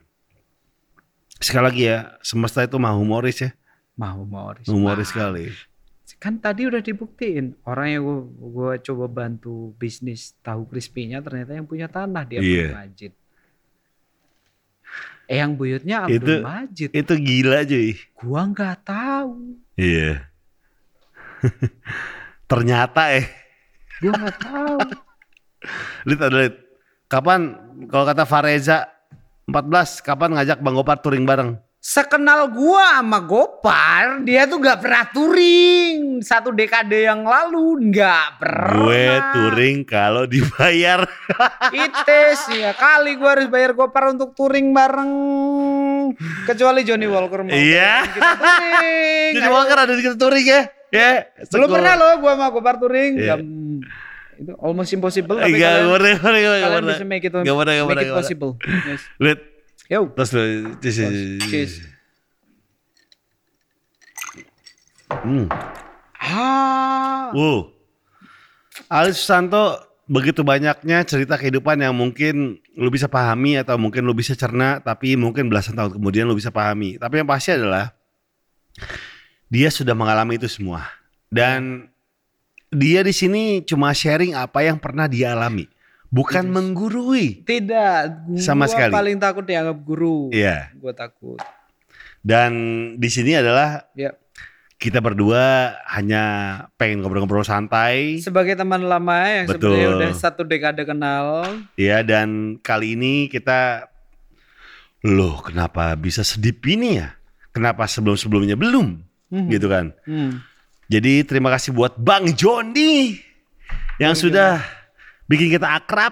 Bang Joni, lu nyadar gak sih? Gue tuh kenal Gopar dari 2010 sejak dia naik sepeda unta dan sekarang gue nggak tahu mobilnya merek apa aja. Dan baru ini gue bisa open karena dari dulu gue selalu minder kalau mau open apa pun anjing. Gopar tuh hidupnya lebih keras dari gue anjing. Ngapain kalau gue cerita gue diketawain. Tapi gara-gara Bang Joni, gue pede aja mau diketawain atau enggak bodo Iya. amat. Yang penting gue pulang lega. Yang terpenting adalah kitanya senang, kitanya riang gitu Ya. kan. Satu lagi, Apa? pertanyaan terakhir buat gue. Gimana tanggapan lu soal Jamet? Wow. Eh men, dia rumahnya itu di Dharma Wangsa. Eh? Depan Hotel Dharma Wangsa sebelah Iya. Pak JK. Iya. Dia sekaya itu si Jamet. Tapi dia selalu takut dianggap kaya. Kenapa? Karena dia selalu merasa bahwa apa pun itu bukan dia yang ngasilin. Tapi Dia orang- kerja di MPM, gaji UMR. Eh, Waktu mau bilang mau kerja di MPM, kita udah bingung. Yakin lu mau gaji UMR? serius lo. Lu nggak kerja juga punya duit. Tapi Jamet bilang bahwa nggak apa-apa mas, aku mampunya ini. Nah, untuk bekerja ya yang Oke. bisa kuasain. Oh good. Apa sih yang kita bisa hadap- eh, harapin dari manusia adalah manusia yang tahan dengan godaan uang, tahan godaan fame, tahan godaan eh, pujian. iya, Jamet bisa ngelewatin itu semua. cakep ya. Habisin dong. Gue udah habis. Oh, Jadi, Rit, thank you banget deh. udah. Udah ngobrol-ngobrol. Thank you banget, kita. Pai. Jadi kalau kita sambungin bisa 5 jam nih. Bang Joni mungkin ada part lanjutan. Terima kasih Rit, teh. Udah ngobrol-ngobrol bareng gue. Udah sharing cerita lo yang sejujur-jujurnya sama teman-teman di sini. Ya, Alit sukses selalu buat kontennya. amin. Dan buat teman-teman di sini, terima kasih udah menyaksikan ngobrak kali ini Yep. bersama Bang Joni. Bang Joni. Bang Joni, I love you. Dan sampai jumpa di ngobrak berikutnya. Gue Fernando pamit. Alit Susanto pamit. Salam jumpa jebet. Bye. Semua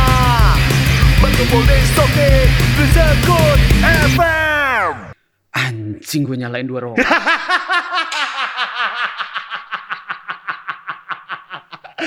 Dua kosong.